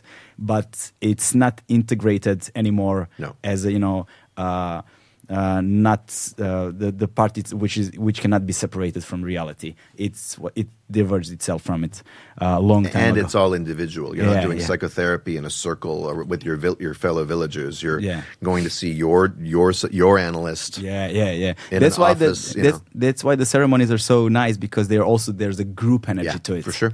Yeah, and there's that's also one aspect that I'm trying to implement in my life. You know, having this group type of thing uh, whenever making a decision. You know, but you know, uh, put, put that aside. Uh, another quote that I liked uh, in the beginning of the book was, you know, culture can be healthy or toxic, nurturing or murderous, Mm-hmm. right? Uh, from Thom Hartmann. And uh, let's uh, bring in in this myth of normal or norm- normalcy, whatever the word is. Let's bring bring to the mix the toxic culture. Okay, so um, one of the nice things about the word culture, because some interviewers have asked me, so why is our society toxic? And I say, well, we don't call it we don't call it trauma, illness, and healing in a toxic society. We use the word toxic culture for a reason, because culture actually has a biological Component. to it. component to it. A culture is the context, the chemical context in which you would raise an organism. So if you go drink kombucha, where you look on the back, you say active bacterial cultures, which is to say cultured bacteria, bacteria that were raised deliberately in a particular environment to become a certain kind of bacteria. It's a you know a broth that you'd have in a petri dish or whatever with a certain pH level, a certain temperature, all that. It's supposed to be hospitable and conducive to the growth of a particular species. And if it's the appropriate culture for that species, the species will proliferate, be healthy, happy, and live a long and prosperous life, at least by bacterial standards. If, though, you started seeing those same microbes dying off or fighting each other or splitting in half or, or, or, or mutating or, you know, just getting sick, you might say, well, has there been a, a sudden genetic revolution in these microbes? But that's unlikely. That's not how genes work. Okay, well, it's probably the wrong culture. Yeah. The culture, it's not that the culture is morally right or wrong. It's just not appropriate for these organisms. It's toxic to them. Because what's toxic to one creature is not toxic to another. You know, like, what is it? Like, isn't peanut butter toxic for dogs? Yeah, uh, well, sugar is. Sugar, okay. Sugar is. Yeah, Right. sugar, chocolate. You right. Know, now, yeah. it's arguable that it's toxic for us too, but a lot less, and we can metabolize it better, right? Yeah. So, toxic uh, is a relative term, not an absolute term. It's not a judgment. It's actually an assessment of is this good for this thing to become itself? Well, first of all, then you have to ask, well, what is itself? What is human nature? Which is what we get into not far into the book. But the basic contention is that many many aspects of our culture, starting from the very ideological building blocks of who this culture takes human beings to be, which is to say, strictly individualistic, um, self-interested, but self in the most narrow, narrow sense, uh, atomized units of profit maximization and loss minimization, Yeah. um, pleasure seeking, Infinite growth. infinite growth, right? Which is a contradiction in terms. especially with climate, uh, you know, cli- climate changes. Yeah, I mean, what they mean is infinite proliferation. Yeah. It's not really growth, because again, growth in the developmental sense means growth. There's a growth chart. There's a growth. Uh, what can I say? There's a blueprint of how growth is supposed to happen. It's not willy nilly. It's not just like untethered from. You know, it's not just unlimited expansion. Even the unit, we even we know the uni, even we know the universe is expanding, and we know it's going to collapse one day. Yeah. There's no unlimited growth for anything, Yeah. even the biggest thing. So, what were we talking about? oh, Uh, culture. Yeah. yeah. So our culture is based on, and then it's based around reinforcing, justifying, and, and reentrenching a bunch of, well, assumptions that at least should be questioned, given how it's going. And it turns out that when we question them and really ask, how well does this line up with what human beings actually need? Uh, not so well, it turns out. Uh, those assumptions play themselves out in how we raise children. Any culture that transmits knowledge to parents and communities about how to raise children is going to do so in its own image, right? So if you're living in a time, a, a warrior culture, a samurai culture, well, then you're going to raise them in a tradition that leads them to be ready for battle if they need to be, right? Um, if, if if you're living in a fishing community where where where you know fishing salmon is the most important, you're going to raise them to know the salmon, the patterns of the of the weather of the rivers, to take care of the water, all that kind of stuff. Our society raises children in a particular way. How does it raise them? Well, there's a lot of diversity of parenting approaches, but if you look at sort of just the mainstream parenting approaches that have been um, normalized the most in the 20th century, it's behavioral modification, socializing the children to behave right, to be acceptable to others, as opposed to to become their full selves. There are no communal rites of passage that help children discover source from that dream side of themselves who they're why they're here in the world. Yeah. Like, why was I put on this planet? What is my connection to the sky and, and the earth and life and my ancestors and the people who are going to come in the future? There's none of that. Kids are raised to conform, to obey, and or to excel or just to be invisible. Those are sort of your options. And, you know, I guess excelling sounds like the best one, but it's not really thriving Yeah. because it's not self generated, it's not self discovering, and it's not connected to a sense of obligation to one's species, one's community, one's village, one's people, mm. one's place. It's, it's, it's, it's untethered, it's unmoored, it's unrooted. It's all about the individual. I need to be the best me I can be. Well, who's that? Well, what, whoever my parents say I, I, I should be, or whoever my, my, my teachers say I should be. Or I'm going to become the opposite of what they say I should be. But that's not guidance. That's not. And this is all coming from a society that's training kids to training human beings to be normal in a system where normal means go to work, get your paycheck, Yeah. build the bombs that we need, build the factories that we need, do the things that may not feed your soul, but they they provide for that um, that illusion of forever growth that that that the market Yeah. needs in order to feel feel bullish about itself. Yeah. I'm just kind of riffing here, but I know, I know, but but, I would say I would say yeah. sorry, uh, sorry to interrupt you. I would say you know we kind of have rite of passage, but I would say we we kind of have like multiple rite of passages. like for example, one would be graduation. You know, the other one would be you know uh, um, uh, earning certain amount of money. Yeah, but that's not a rite of passage. Yeah. That's just a ritual of obedience. A rite of passage is constructed consciously by a culture that says, "Okay, you don't automatically get to be an adult in this culture. You don't Yeah, out, yeah, you don't automatically graduate from being an infant to toddler to child to teenager to adult. That actually it's a threshold that needs to be crossed. And our culture is going to teach you what that is. How? By putting you in a safe but dangerous Hmm. moment where you have to give something up, where you have to You have to sacrifice something. you have to sacrifice something. You have to face yourself. yeah. Really, basically, face your own mortality. Yeah. And then, f- when you face your own mort- your own mortality, you're facing the truth of who you are, and you're connecting with that which is bigger, and that which is again that that the dream state, Mm. that the, the that dream world of information that's there beyond the obvious.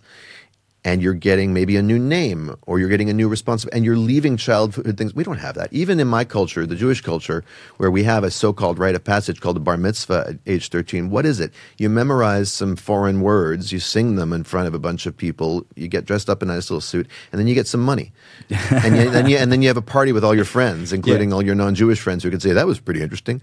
That's not really. That's. I mean, it used to be a rite of passage right? But that was in a different cultural context. Inside of this Western capitalist one, it's just sort of a nice uh, ethnic event. You know what I'm it, saying? It, it, became uh, a, a symbolic thing It's within symbolic. the culture, and when I say symbolic, I mean a very narrow uh, way of looking at the symbolic. it's like it's like it's a way of symbolizing that we used to do this for real. yeah, yeah, you know what I'm saying? Remembering it. We're remembering that we used to do this, and that's the best we can do. We're not actually generating um, a cultural moment where something happens where there's consequence. Yeah. So, rites of passage and and childbirth is also a rite of passage that healthy cultures understand that, and so they design childbirth practices around it. We have a whole chapter, mm. se- several chapters about both pregnancy and childbirth, and then and then you know the aftermath that just there, those are the most horrific chapters in the book, in my opinion. Just talking about how the Western medical system treats childbirth. That's the most important threshold any of us will ever cross, except for the one when we die. And we also fuck that one up too. Mm-hmm. We live in a death phobic, death illiterate culture that doesn't know what to do with death. Yeah. We don't have elders, we have elderly people. But childbirth itself is this the most holy, sacred thing you can imagine. And we treat it like surgery, on which the, the, the doctor is the expert and the woman who's giving birth is the patient who needs to have this thing taken out of her, basically. And women's agency is not honored, their autonomy, their gut instincts. And this, you know, midwives are a holdover from the time when we had practices that understood that this is a very important rite of passage, and not in some woo-woo spiritual way, developmentally, for the for the baby's health, for the baby's brain development. It turns out that the science accords with the, the wisdom of ancient cultures. Oxytocin is released Yeah. when the when there's skin to skin bonding. Um, these things are interrupted when there's unnecessary medical interventions. We're not railing against C sections or any other of this sort of, in some cases, miraculous innovations of Western science, but they have to be context dependent and not become a new thing of like, this is just what we do because it's easier for the hospital or for the doctor. Yeah. So- we ha- we had an addiction expert, uh, a doctor. Uh, she's uh, being um, she's been practicing. Uh, she's been working with uh, uh, with uh, severe addictions for almost 30 years now Yeah. and she told us that uh, one of the most important things in prevention of addiction is in this early childhood development uh, that when they were born skin to skin contact we want once you don't have skin to skin contact, contact the probability of developing addiction skyrockets Well, and that you don't have to be a, a, a, a traumatologist to understand why. what are addictions? They're self soothing behaviors. yeah Any addiction, especially to like painkillers and opiates and narcotics, is about killing pain, soothing, reaching that peaceful state, blissful blissful womb state womb state, connection state. What chemicals are involved in that? Endorphins.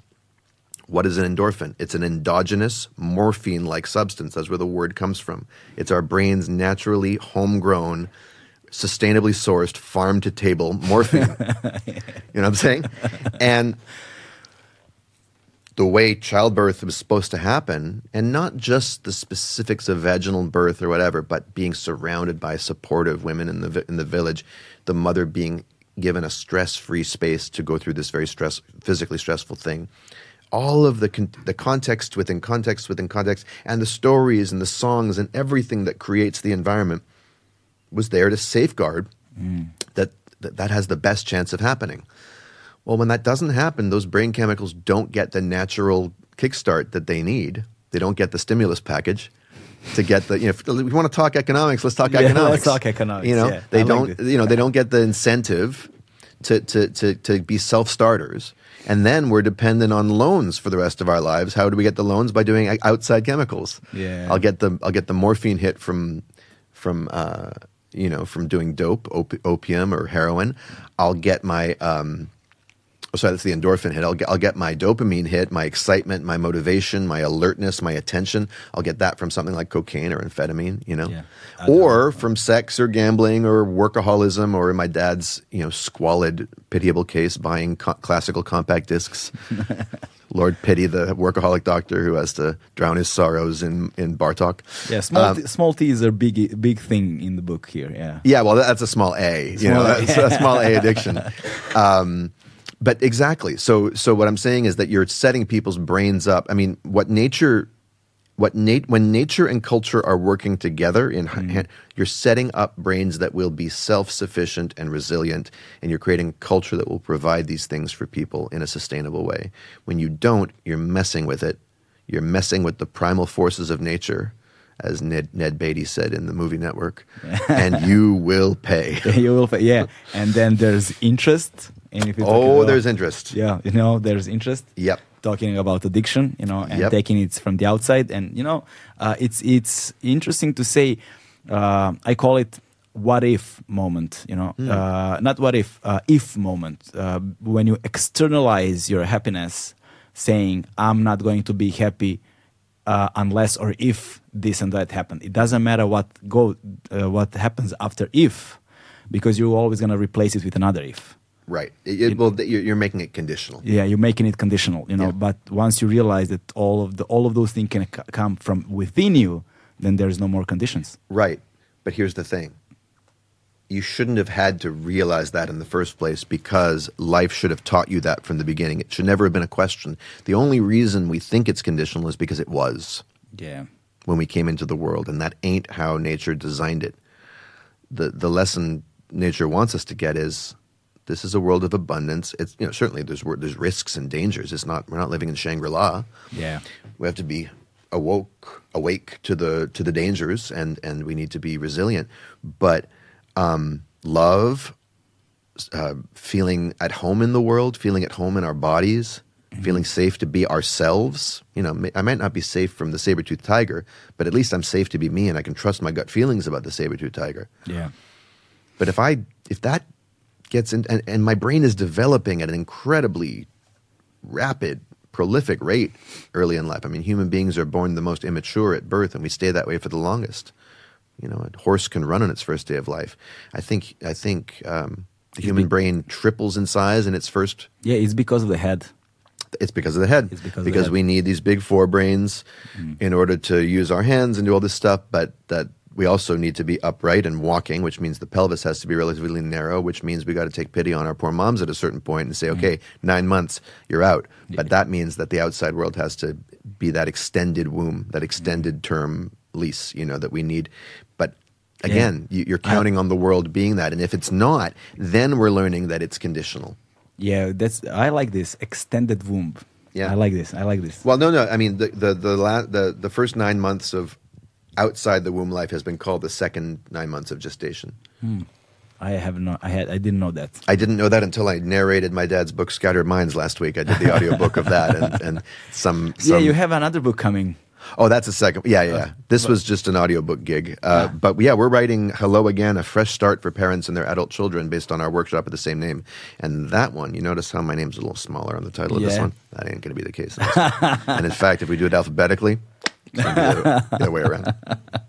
Okay, uh, let's go back to the to the topic. So we're actually circling back uh, to the culture, right? And um, this is the good moment to introduce uh, also um, uh, the human nature, right? That Yeah. would be, yeah, that would be the third thing in the mix. So we had uh, the myth of normal, then we had the you know, the toxic culture, Yep. and then we are introducing the human nature. Yeah. Uh, what is human nature, and how do we perceive it, and how we should perceive it? Yeah, I think I've touched on it already. I mean, look, human nature can be a trap as a concept because, again, every culture will invent a version of human nature that justifies its own self perpetuation. Yeah.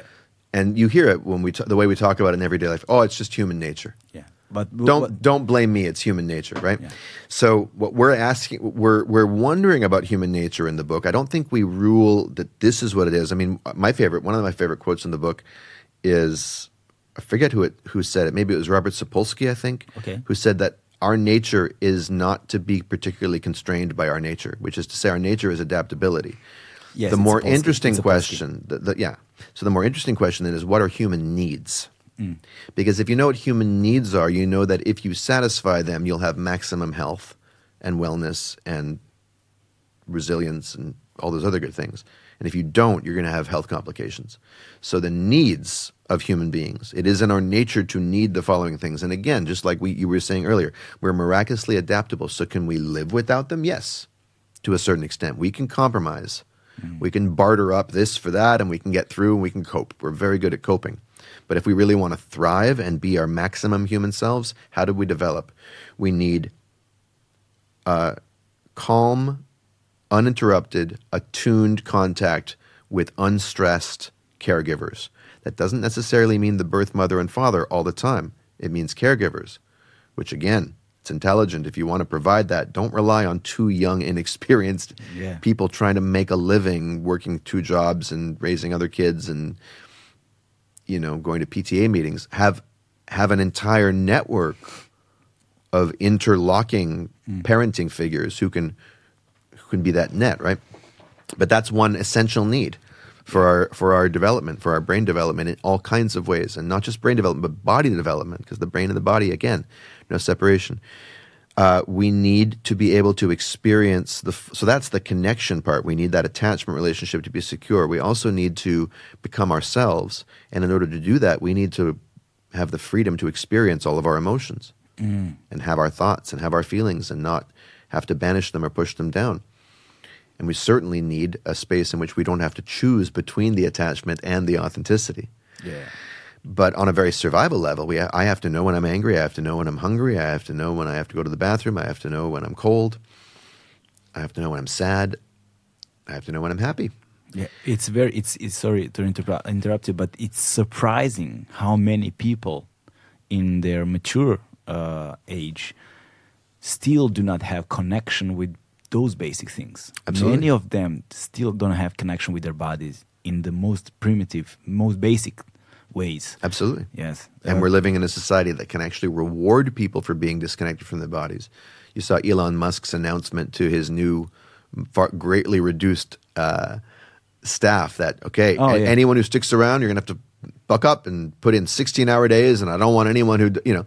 So basically, don't go to the bathroom and and Yeah. whatever. But and and and then we'll thrive together as a company. Yeah. Um, Still, you also have the famous speech from Hillary Clinton when uh, she was uh, like the uh, the about uh, uh, uh, also you know uh, about the bullying in the childhood. Well, that get I mean that's a whole other thing. That gets into the trauma of our political leaders. But the way it, we can get there. Yeah. But the way that that's manifested for Hillary is she's on the, the you know basically learning to push down her vulnerability. Yeah, tell the Don't- story first, please. Tell the, the yeah, yeah, yeah. okay good. So. um and this is not some story that my dad had to dig up. It was told on national television. It was narrated as a hero story, as a, as a feel good story, by the voice of God himself, Morgan Freeman, as part of the Democratic National Convention when she accepted the nomi- nomination in 2016. And the story is that young Hillary, uh, age four, was playing in the neighborhood, was being bullied, teased by some neighborhood kids. She runs into the house in tears, runs to her mother for comfort and support. And the mother says, You go back out there. There's no room for cowards in this house. You get out there and you figure out how to deal with those kids. And this is cited as an example of resilient, uh, resilience building. And no one questioned it. Everyone was just like, wow, isn't that inspiring? You know, what a girl boss. What a, what a, what an inspiring leader. Well, it's it's it's pathetic in, in the true meaning of the word. It's pathos. It's deeply tragic and sad. And then who does she become later in life? Sixty years later, she's on the campaign trail with pneumonia in the middle of the summer. Doesn't tell anybody until she collapses. She faints on the street in New York, and even then she says, "I'm fine. I'm great. It's a beautiful day in New York." Now half the country can see through that inauthenticity, and it makes their skin crawl. It also makes their skin crawl that she calls them baskets of deplorables. Uh, the other, but her half thinks that's wow, isn't that inspiring? She doesn't let anything stop her, Yeah. you know. And so we're living in a culture that doesn't just normalize that kind of self-suppression, but it lionizes it. It raises it to, to the level it. of celebrates it, let, makes it a virtue. Um, that was an eye opener thing for me also when talking about trauma here, because you know on one hand, you know the the the the, the drawbacks, you know the the coping mechanisms that takes you to you know illnesses, to you know depression, to mm-hmm. addiction. It's it's something somewhat expected, you mm-hmm. know, but once you start talking about the trauma in uh, popular culture, in uh, politics, in, with successful people, the way we celebrate the coping mechanisms from early childhood traumas, that's amazing one. And also the the amazing one that I've kind of recognized myself in it was, you know, when trauma happens to you, and then you don't let it um, express itself in any way possible, you know, so you feel like it hasn't touched you in a way, and uh, therefore you learn how to not be touched by trauma in the future, and you say, "Oh, it doesn't affect me," but the fact that it doesn't affect you is the way it affected you. That's exactly right.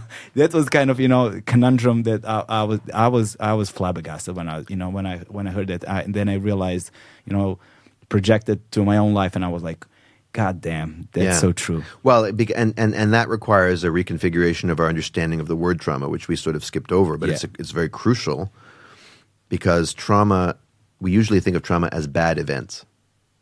You know, so you have a, you're like Serb and Somali, so I could, Yeah. you know, I could, I could assume that there's been big T traumatic events in your family history. Your, your Yeah. people have seen some shit A lot of yeah. you know, and maybe you have yourself. Uh, my father went through a capital T trauma. I went through a capital T trauma when, when when my dad would yell at me, like scream at me like I'm a crazy person, and hit me across the face once, you know, in front of the entire family. That's a big T trauma, I'd say. You know, it's not a genocide, but it's Yeah. to a child, it's it's it's it's terrifying. You know, the worst thing that happens to you is the worst thing that happens to you. That's exactly right. Yeah. exactly. Um, but that's not the definition of trauma. That is, that is an event that can potentiate trauma. A trauma is a wound, not an event. So trauma is the effect that lasts. So in American football, the trauma is not the illegal hit to the head; it's the concussion, mm. because that's what lasts.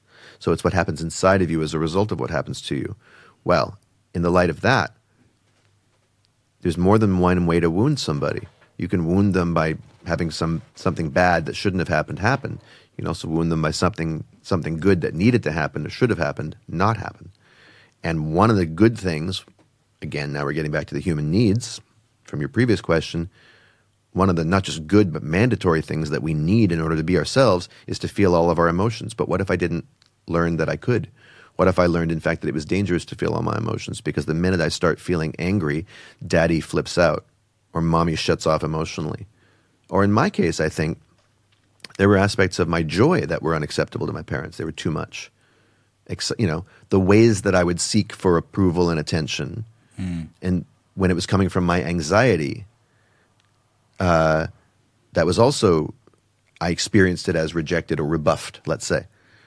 Well, so now the good thing that needed to happen, which is the I needed the world I was born into to say, Daniel, welcome. All of you is welcome. And you'll sort out for yourself later which parts you want to foreground and and Yeah, and, yeah, yeah. and and and put on the back burner, you know. But for now, as a as a little toddler, you know, have at it. And we will guide your behavior so that you're not putting your hands on hot coals and running out into the street. It's not like there's no boundaries, but in terms of acceptability, in terms of welcome, you are welcome just as you are. We need that. But if that doesn't happen, and again, it doesn't need you don't need a father slapping you across the face or a world war to get the message, oh, mommy and daddy love me, but they but that kind of turns off when I get like this. Okay, well, I'm not going to go there. Mm. Okay, well now I've what's the best way I can cope with that? I'm going to get cut off from that. I'm not going to let it affect me. When things affect me, when I show that things affect me, that's when the hammer really comes down. So I'm just not going to let things affect me. So now it, now it doesn't affect me. But exactly as you said, that is exactly where it affected me. Yeah, the, yeah, the- exactly that. So, Now, sp- speaking of my body, speaking mm-hmm. of the body, I haven't eaten since last night. I've got a snack in here. My stomach is growling. I'm sure your sound man can hear it on the microphone. Do you mind if I just quickly wolf no something down? problem, Yeah. no problem, no problem. Okay, uh, back on, uh, let, let, back back on back on air. Um, uh, yes, uh, the. The, the the the definition of trauma that's what we were talking Mm-hmm. Yes. about so so it, it's like like a car accident it's not an impact it's about the injury that impact creates That's within right. your body that stays you know That's the, right. the accident is what happened at that precise moment That's right. the injury is what you carry with yourself over time right? right. so the trauma is actually that the the the the the, the way your body reacted in the moment of a traumatic experience and there's also a couple of things that uh, I think we need to clear up when it comes to trauma and we talk about analogies. The one analogy I really liked in the book is uh, open wound and scar tissue. Mm, yeah. Yeah. So when you sustain a wound, um, see if I can remember this one.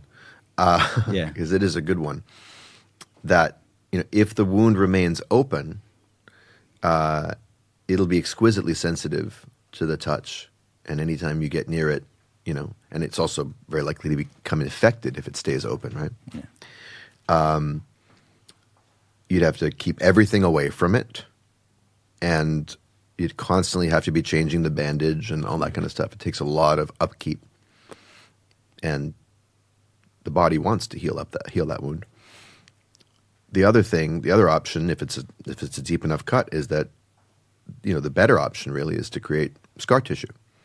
A scar seals the wound, and it replaces it with a layer of dead skin, basically, which can't feel, and it's numb, and nothing new can grow there.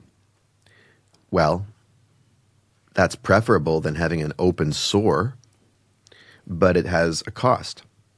And many of our, if we want to know where our traumas are, it leads back to what you were talking about that thing I, I, i'm not connected to myself well that very spot of not being connected to yourself what if that's scar tissue Yeah. that's that numb spot that dead spot. So it could be in the world of your um, sex drive. It could be in the world of your uh, social life. It could be in the world of your self-confidence. It could be in the world of your um, self-esteem or trust in your in your your gut feelings or your ideas. Um, it could be in the realm of you know this emotion or that emotion that you're not comfortable feeling or don't even think you have. So people say i never get angry Yeah. well you weren't born that way so what happened to it it's the case of the dis- it's it's the case of the the disappearing core emotion Yeah. None of us are born disconnected from any part of ourselves. We make these compromises throughout life, Yeah. um, and they and those then end up as personality traits we might think of as strengths, just like Hillary Clinton and her whole campaign team thought of her resilience, quote unquote, as a strength, when in fact it was a um, it may be a strength, but it was built on top of a terrible wound, a terrible scar, which is to say, never trust anybody. You are all alone. Um, no one is going to be here for you. The world is a, a cold, unforgiving place. The best thing you can do is to beat them at their own game. Yeah. And that's the way we create narratives that we Yeah. start believing in them, and Yeah. those narratives become our real, our reality, And the, and those are our ideologies. and those are our, our our ideologies, and then they truly become reality because the way we perceive the world that we're living in is the way the world is in our realities. It's it you know it it, it Who's that who said that we don't see the world as it is, we see the world as we are? hmm, who's that? I don't know, Oh, can't remember. but I like the quote. Yeah, and um, also uh, uh, uh, there is um, uh, there's also be be be uh, we know the big T traumas, and then there's also small T traumas. Yeah. What are those?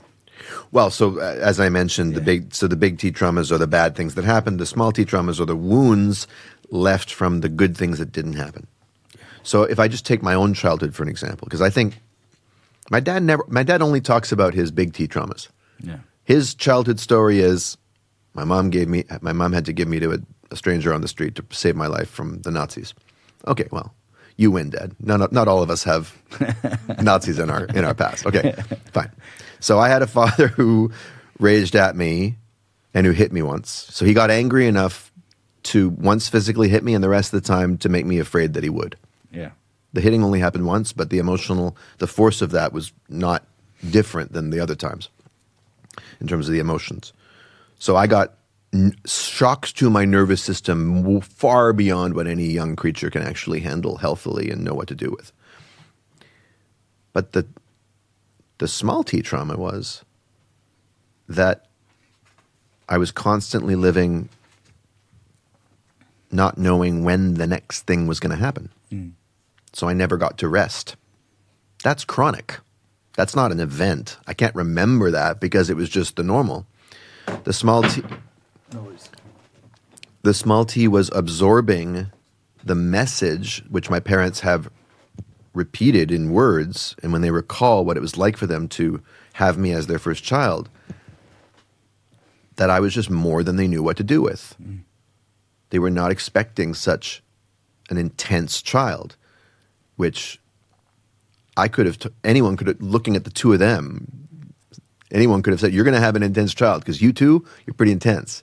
But somehow they were expecting a version of me that was going to be easier for them to handle than the, I guess, intensely unique and insisting on being itself little creature that they gave birth to and didn't conform to their fantasies of who I was going to be.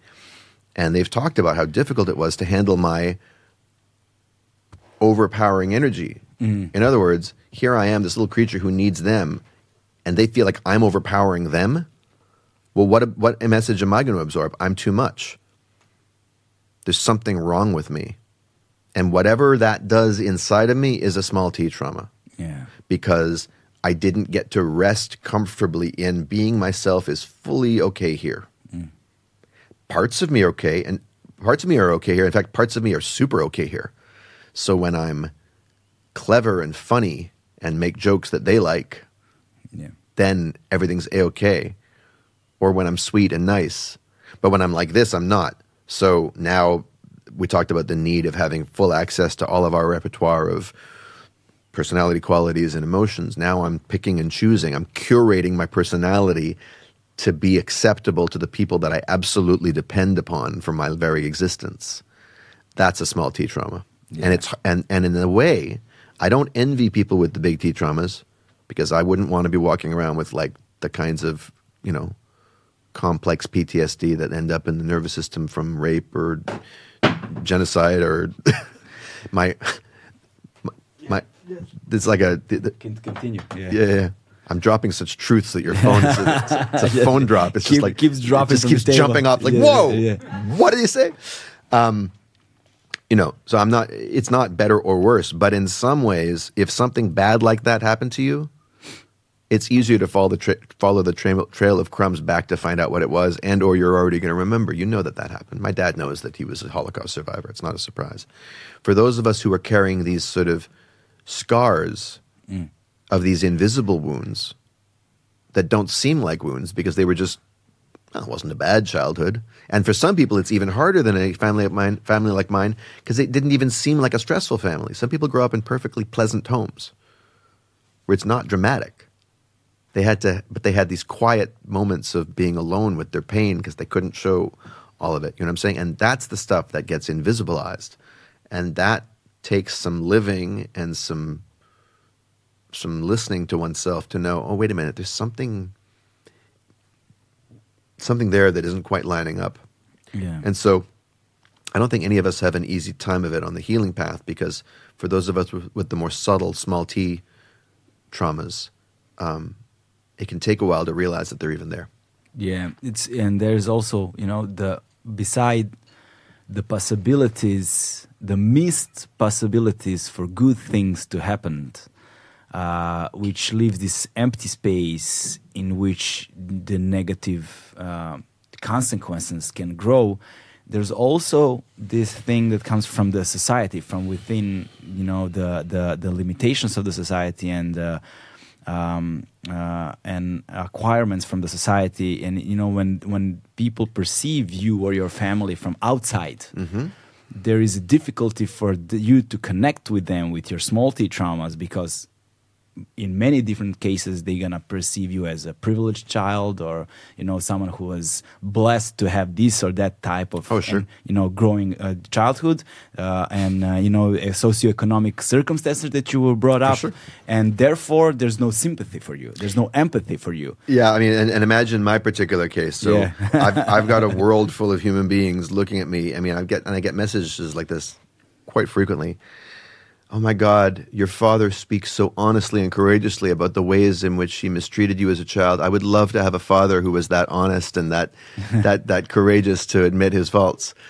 Well, on on in on one level, absolutely. I am very fortunate to have a father to, to be in a family where there's a language to talk about that. But you can hear the trap in that, right? yeah yeah because now now that my dad now that my dad admits it publicly now i don't get to be pissed off about it or something you know like you know it doesn't Which mean that this, the, the the issue was resolved. It doesn't it doesn't and it doesn't mean that other people's perceptions of of of, of what it means that he admits it. Yeah.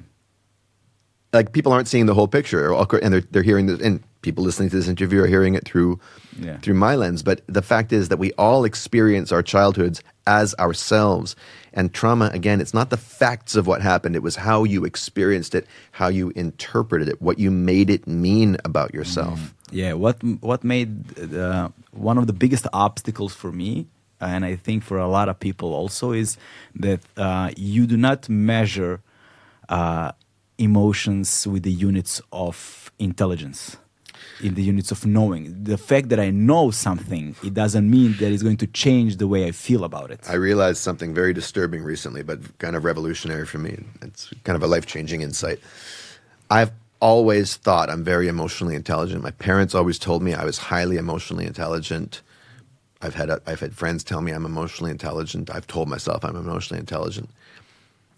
After a certain number of failed relationships with women, I've realized I'm not emotionally intelligent at all. I'm intelligent about emotions. yeah. I'm emotionally stupid.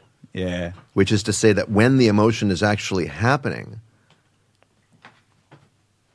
I can't keep my bearings. Mm. I can't stick to my values.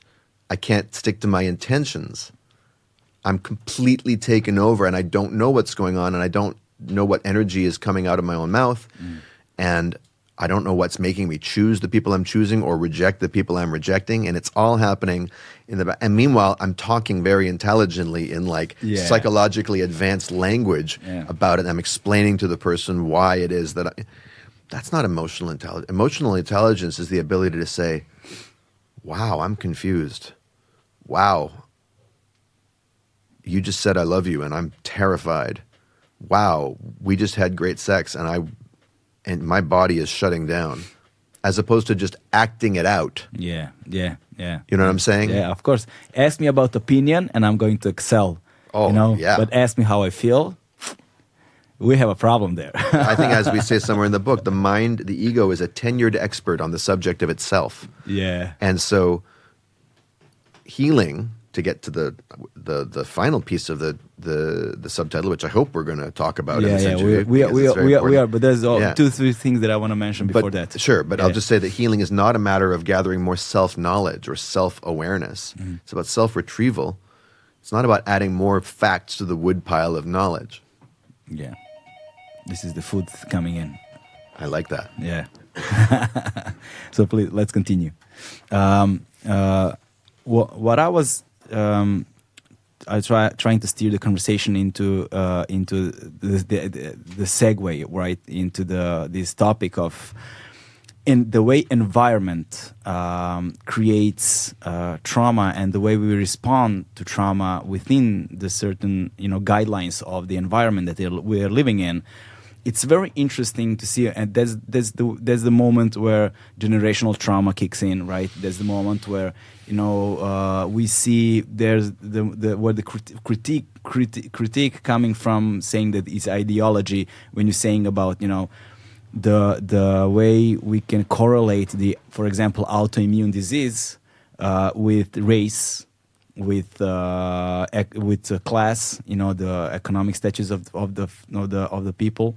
Uh, the way uh, with women in society you know the way we see for example in uh, as you stated i think uh, in in the book here it says that in the, at the end of the 19th century uh, the um, the number of people uh, gender wise who were uh, diagnosed with ms was one one for one woman there was one man and today we have uh, for each man uh, Sorry, diagnosed six. with M- ms it's six women Yeah. so what happened Yeah.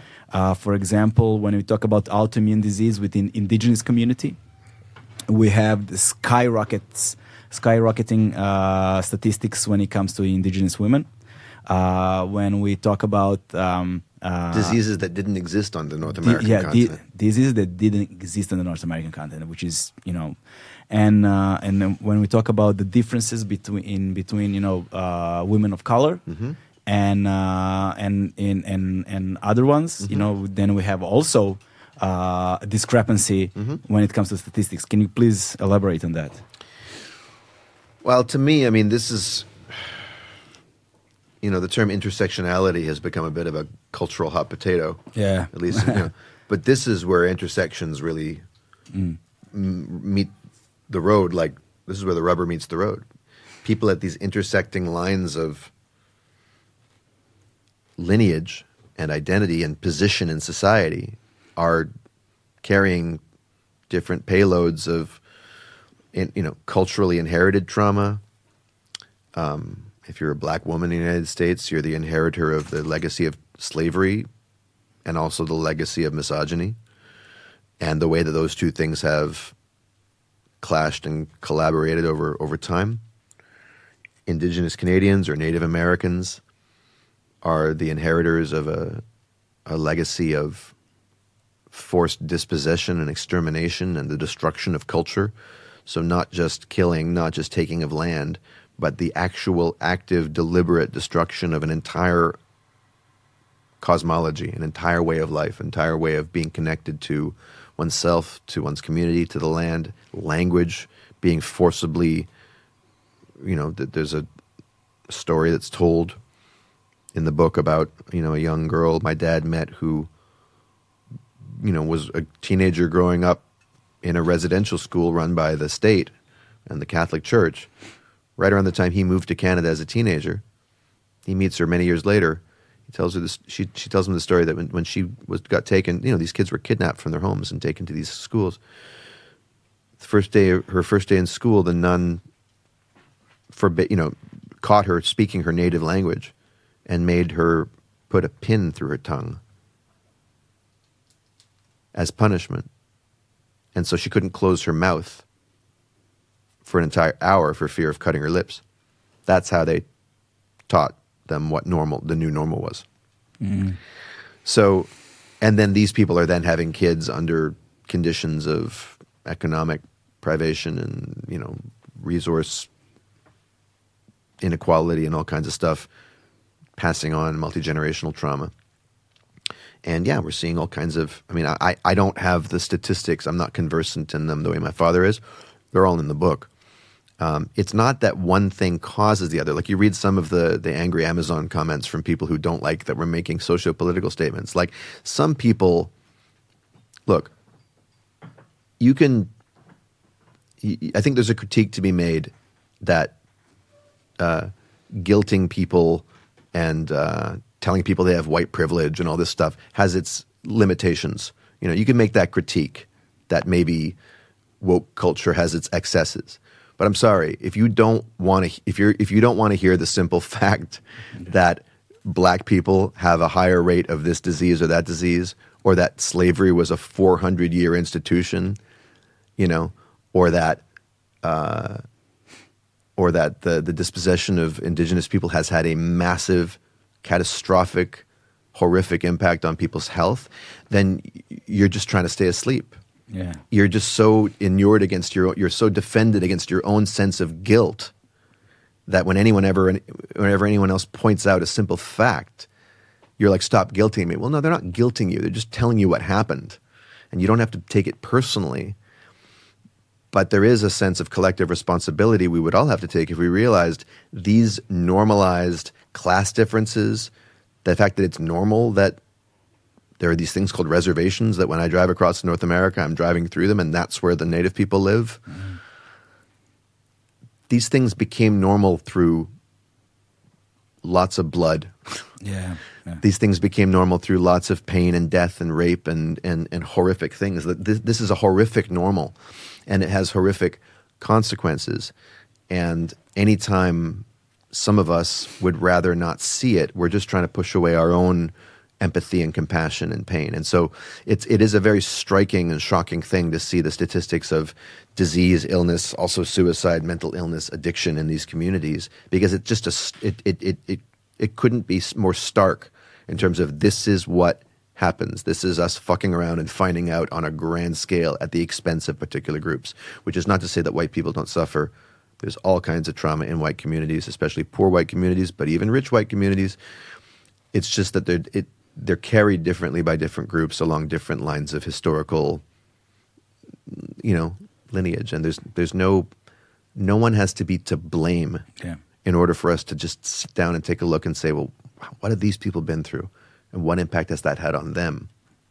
You know and as far as jews go some people wonder well why is it if jews have been so oppressed why don't we have these kinds of specific chronic health issues? Well the holocaust happened over a 5 year period and it was a terrible extermination, but it wasn't a centuries long attack on an entire culture and an attempt to wipe out a language. I mean, it was a very, sh- it was the the most extreme case of, of, of group extermination, like literal kill, trying to kill off of people in a short period of time ever. But that affected one generation and the generation below it and the generation above it. When we talk about these these groups that have been enslaved or dispossessed in North America, for instance, we're talking about generation after generation after generation, just absolute destruction of the entire family system. And it's a it's a testament to the human spirit and to the strength of the the cultures that were there to begin with, and the cultures that developed in the face of it, and those cultures of resistance and resilience, that these people Yeah. are even alive and, and sane. Therefore, the myth of normal.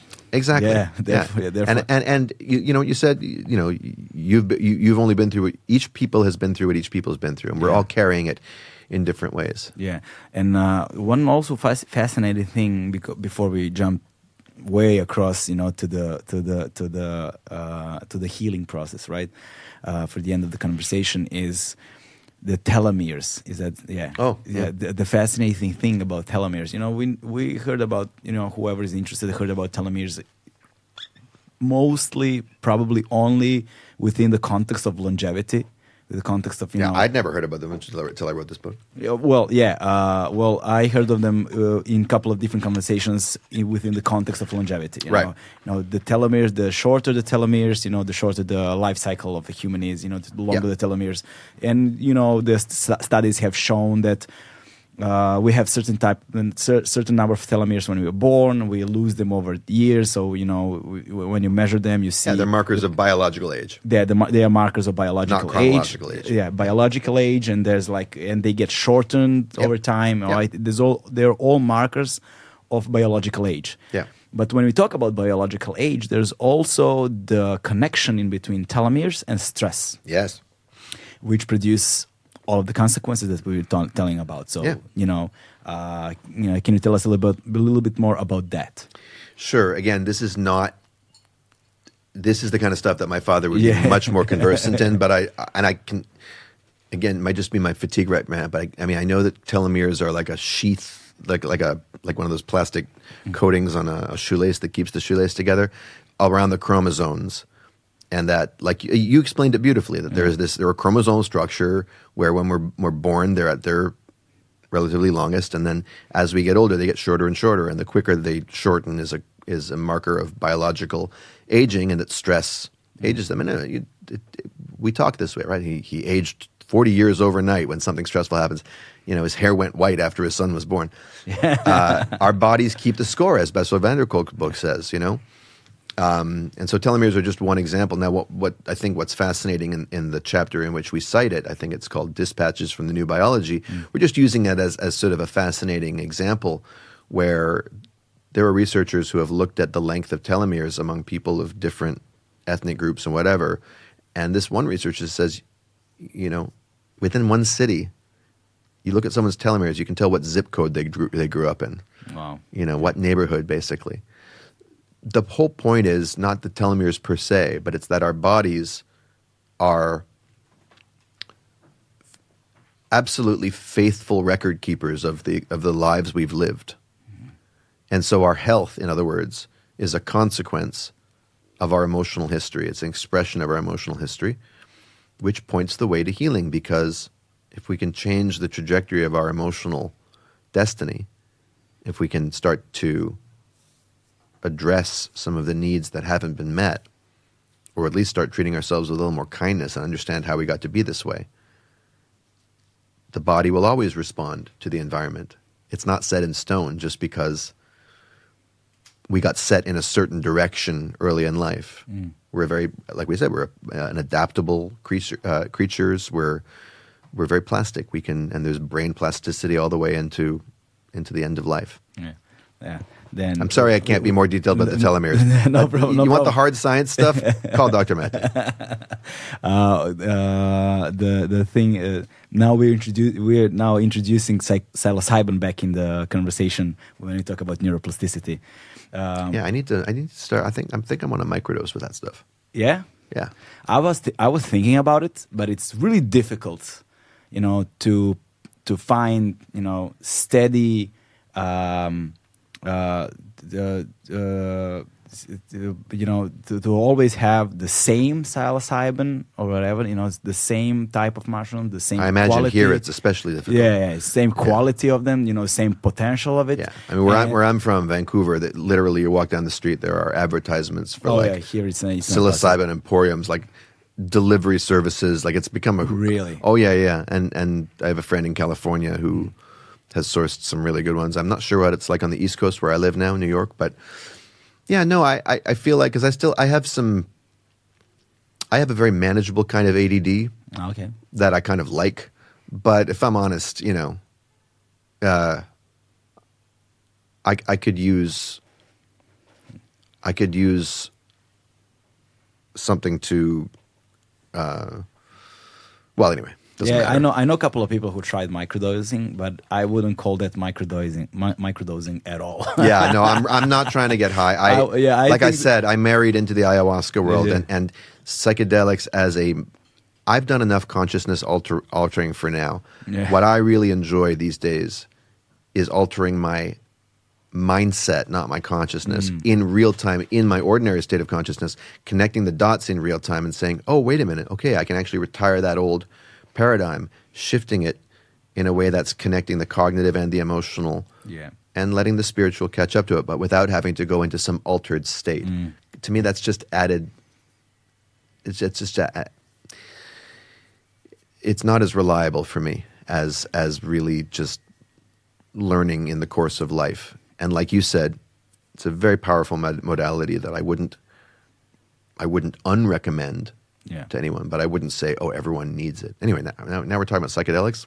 We, we're totally gotten off course. yeah, but uh, but this is a good segue actually to a healing process. Sure, yeah, yeah. Yeah, to a healing process, and to talk Yeah. about. Let's start with a myth in a positive way. Okay, yeah. Yeah, and and and and this. Um, uh, someone would say, you know, ironically, but it's not really. Uh, the the the uh, your father, uh, Dr. Gabor, he, uh, Dr. Maté, he actually um, said that the most satisfying people he met was people who resolved their issues in the palliative care, you know, in the face of death Yeah. and uh, it, this is this connects us also with the rite of passage that we were talking about. There is something when you're facing death, when you're facing you know the end of of the whole identity that we have created and understood our worlds and ourselves in. Um, that there's there is something you know in it that you know awakens something in us. It can. It can, yeah. it doesn't mean it's going to. Not every movie ends that way. Yeah, yeah, yeah. But you know, let's let, let's let's talk about you know the healing process. Yeah. Well, since you brought up myth in the positive Yeah. sense, so if we get rid of this modern meaning of myth, in which you know, which you're using it in the title here, because that's an unspoken myth. But think of spoken myths, myths that are myths on purpose for a purpose. See, the nature of the kind of myth we're talking about in this title is it's an invisible myth, one that we think is true. But what about you know the myth of the, the creation story that every culture has? That is a self-created story. They know it's a story, whether they believe it or they just tell it. They know it's a it, it's a culturally generated way. It's a framework to look at a great mystery through and to and to make sense of something. Yeah. You know, and if you think of any great myth in any tradition, it involves archetypes. It involves connections between things, between human beings and nature. You know, whether it's like African stories of how the leopard got his spots, or or how the sun came to be in the sky, or or or the moon, or um, making sense of the world around us and our place in it. Myth places us in that context. It helps us understand ourselves as connected. Now, whether or not the content of the myths is accurate, these myths are true in the sense that they true us up mm. with the way life is. It doesn't matter if the facts are ac- see accurate. Being accurate and being true are two very different things. Our culture confuses truth with accuracy. We love being accurate, but truth is what's harmonic and harmonized with the way life is. It rings true, right? Yeah. Whether or not they, you know, so you can go see a, a, a piece of fiction. King Lear is a true story, even if it didn't happen. Yeah. You know what I'm saying? That's what art is for. That's you know, Western art is our version of myth. So you look at any good story, what is involved? It involves, well, some universal themes of, of connection. And, and it has something to tell us about healing. One of the great distinctions I, that I've heard made by um, a great proponent of myth in the best sense, Michael Meade, who's got a wonderful podcast called Living Myth. We quote him in the book, we interviewed him. He has a book called Fate and Destiny. Mm. And that, you know, the Greeks understood this, right? Tragic fate, the fates, the three sisters of fate who decide where we're going to be born, essentially, like the circumstances into which we're born. We can't do anything about our fate. Yeah. But our destiny is the thread of des- the twist of the fate that leads to the thread of destiny that pulls us towards a destination of where we're heading, where we're meant to be, possibility.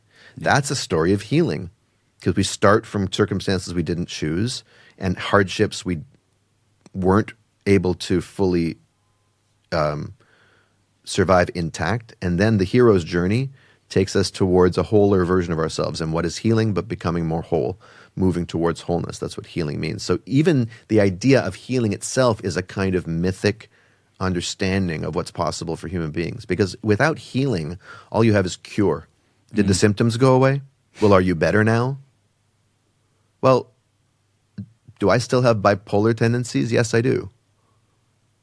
But I'm on a, my understanding of myself is so much different than it used to be before I realized that that I experience myself as so much more whole, and that now these two sides of me, there's someone in between watching them, hmm. observing. I don't identify with the lows, I don't identify with the highs. When I'm in one, I know I'm in one. Now, it so happens that a medication is helping that right now. But if I just took the medication without understanding of where did this so called condition or diagnosis come from in my childhood, where did it fracture me from myself? What does it represent? What are the gifts of it? What are the the, the, the, the, the wounds of it, and where is it leading me towards a more integrated version of myself, then it would just be a pill. Yeah. But actually, it's part of a larger story for me now of being able. You know what I said? My earliest, one of my earliest small T traumas is my parents not being able to embrace all of the contradictions of me. They wanted me to be one way or the other. Well, my journey in life is to embrace all the contradictions of me. Yeah. And to be able to contain and be the container, not the contents, the container. Well, that's a you can already hear that there's something poetic about that, right? Yeah. We're each walking our own our own hero poem, you know? And art is and I'm a lyricist, you know, so it, eh, what do I do as a lyricist? Well, I rhyme fundamentally. That's that's one I love to rhyme. Um, what is rhyming? It's creating sonic connections between disparate, you know, thoughts. I can I, I can connect the word love and the word shove in your mind just by pointing out that they sound the same. They mean very different things, but that's a powerful juxtaposition, right? Yeah. Finding these connections and, and painters do it by virtue of color matching and, and shading and for and, and every different kind of art form has its different techniques. What's that? Jackson Pollock, yeah. even him, right? Yeah. Seeming chaos, but there's something he's there's an organizing principle there. So all of this is to say that I think for me, the, the, the, the story I tell of human beings, the, the big myth that I believe in, it's not that I believe in it, I just think it, you know, it works for me, so I go with it, is that, we, that he, healing wants to happen. It's not personal. Healing is wanting to happen through us anyway. Like we are basically just healing engines. And so what what what needs to happen in order for the universe to heal itself? Well, we have to get a little bit broken along the way. Yeah. so that we can, you know, which means I don't need to heal myself and I certainly can't heal you, God damn it. I mean, like I can't heal anyone else. Yeah. But I can't heal myself. What I what can I do? I can get on board the healing river. I can figure out which direction the river wants to flow in and I can ask what does it want from me? What's required? what might I have to give up if I wanted to participate in the healing in me that's already happening? If I wanted to stop resisting it, mm. you know, what what logs on the side of the river would I have to let go of, clinging to, so that I can float down? What whirlpools, what scary parts of the river might I have to be a little brave to go through? Mm. What's on the other side of that? You know, and what what am I flowing towards? I'm flowing towards this, hopefully, this ocean where I'm I'm reunited with where I actually come from. No, I don't know. I'm just kind of making this up as I go along. Yeah, yeah. But it's a very different way of looking at ourselves than, say, self improvement or even personal growth. Like I'm a project and I'm going to, like, Yeah. you know, yeah, I'm going to tend to myself like a garden. I'm going to see what grows. So the minute, and, and the fact is that every healthy culture in history has had healing stories and healing practices. And in fact, they're medicine men. A shaman is literally a medicine man. My, there's my stomach again. We're deeply steeped and are deeply steeped in mythic thinking. These shamans that you're talking about connected. What is the dream state if not the place where myth lives? It's the source of the mythic imagination. Well, that's what the doctors were skilled in. Yeah. If you want to be a good medicine man, a good medicine woman, be a good storyteller, a good dream weaver. Right? Now, our society has divorced those two things and thinks that healers are just people who can manipulate the physical aspects of the body and brain. Well, no wonder we're seeing the health crises we're having. So, full on healing means embracing that we're part of something bigger. That's my so, th- th- so that's my little TED talk about myth because I love that topic. Then, in terms of what we say in the book about healing, there's principles of healing. There's like four A's of healing. There's a fifth one. There's a, in fact, there's a sixth one. In fact, there's a, even a seventh one that we didn't include, which is awareness. My uncle pointed that out to my dad. It's true that because that's the big one. You- you need- Activism and awareness. That would be fifth and sixth, right? no, uh, activism and advocacy were the fifth and sixth. The yeah. seventh would be- be awareness, awareness. but really it should be the first because without awareness, you can't be aware that you're angry. That's one of them. Healthy anger, uh, acceptance, agency, and autonomy Yeah. or authenticity. I mean, there's so many actually. Yeah. Um, Maybe the eighth is alcohol. No, I'm kidding. uh, um, so, but even that, saying that there are there are seven A's of healing, well, that's a mythic framework, right? Yeah, There are it is. five compassions that we, we outline. There are practices people can do to get more in touch with what their body is telling them about what what where healing isn't. Yeah. Noticing where authenticity is missing and the impact on our bodies, cultivating that awareness so that it gets less and less normalized to ignore it healing actually once once you get familiar with it it's a very rich uh, and creative space because again it is that secret chord that is caught like when you get on that i think healing true healing is a process that you can actually in the end you can love that process. Now there's going to be pain along the way for a lot of people. It's not going to be fun at first. It's not always going to be fun. But if you can stand inside of the larger picture of where am I coming from and what am I reuniting? What am I reconnecting with? What's this for? And not just for me, what's this for for my family? Why am I healing? I, I did a mental chiropractic walk with somebody um, who was just sick and tired of healing. That's why she contacted me. She's like, my therapist keeps sending me book after book.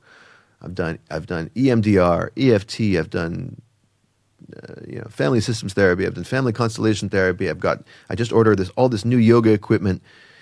I'm overwhelmed. I'm stressed. I said, okay, well, so Let's go for a walk. let's go for a walk. and I said, what's your intention? And she finally said, I would just love it to be easy, at that, you know, but I know it's not easy. I said, no, no, no, that's good. How about ease? Why not have some ease in your healing journey? She's like, oh, well, but I was so severely traumatized. I said, I know you were severely traumatized. I get that. Are you tired of like having the healing being being torture? She said, Yeah. I said, Okay, well, why don't we just see what's possible, you know? And by the end of it, she realized that like all of the pushing herself to read every single book and do every single approach and buy every single piece of she said, Oh my God, that's not healing my trauma, that's repeating my trauma. yeah. That's not where ease is. So we made ease the intention, or maybe it was lightness. I think it was actually lightness. Said, well, what if we made lightness more important than anything else? Is is the way you've been approaching it compatible with that? Absolutely not. Well, she wrote to me a few weeks later. She said, I, I put the yoga equipment away. I haven't read a single one of those books. I've been reading novels. I've been going for walks more, which I hadn't been doing. I haven't been taking the healing thing so damn seriously, and I can feel the he- the actual healing happening. the actual healing happening. And this is, I think, the most important thing for everyone troubled in any way to know that healing is possible. Yeah. It is always a possibility. That's right. It doesn't matter where you are at at this moment. As long as you understand what it means, it's not a destination. it's at best, it's a direction. Hmm. It's a movement. It's not a stopping point. yeah. It's moving towards wholeness, whatever that looks like at the time, which might mean not doing yoga for a while. Like, like it, it's all context. It all depends on the context. Yeah. But it's not rigid discipline, and I have to do this, and I must heal myself. That sounds a lot like your stressful childhood to yeah, stressful childhood and You know? maybe a new trauma coming in. That's you know? right. And it's multi right, and yeah. for this woman, she had a strong no rising up in her, but it was so verboten. Yeah. It was so it wasn't allowed to be said until I allowed her to say it.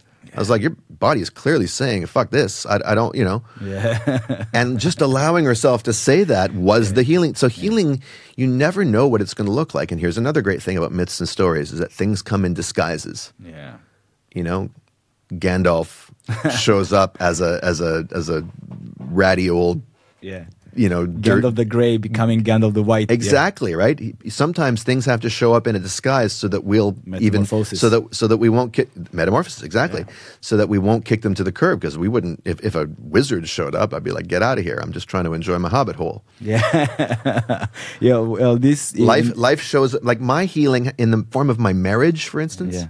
that was a disaster in my life Caleb that was a fucking dis- that was a catastrophe. I can't even tell you.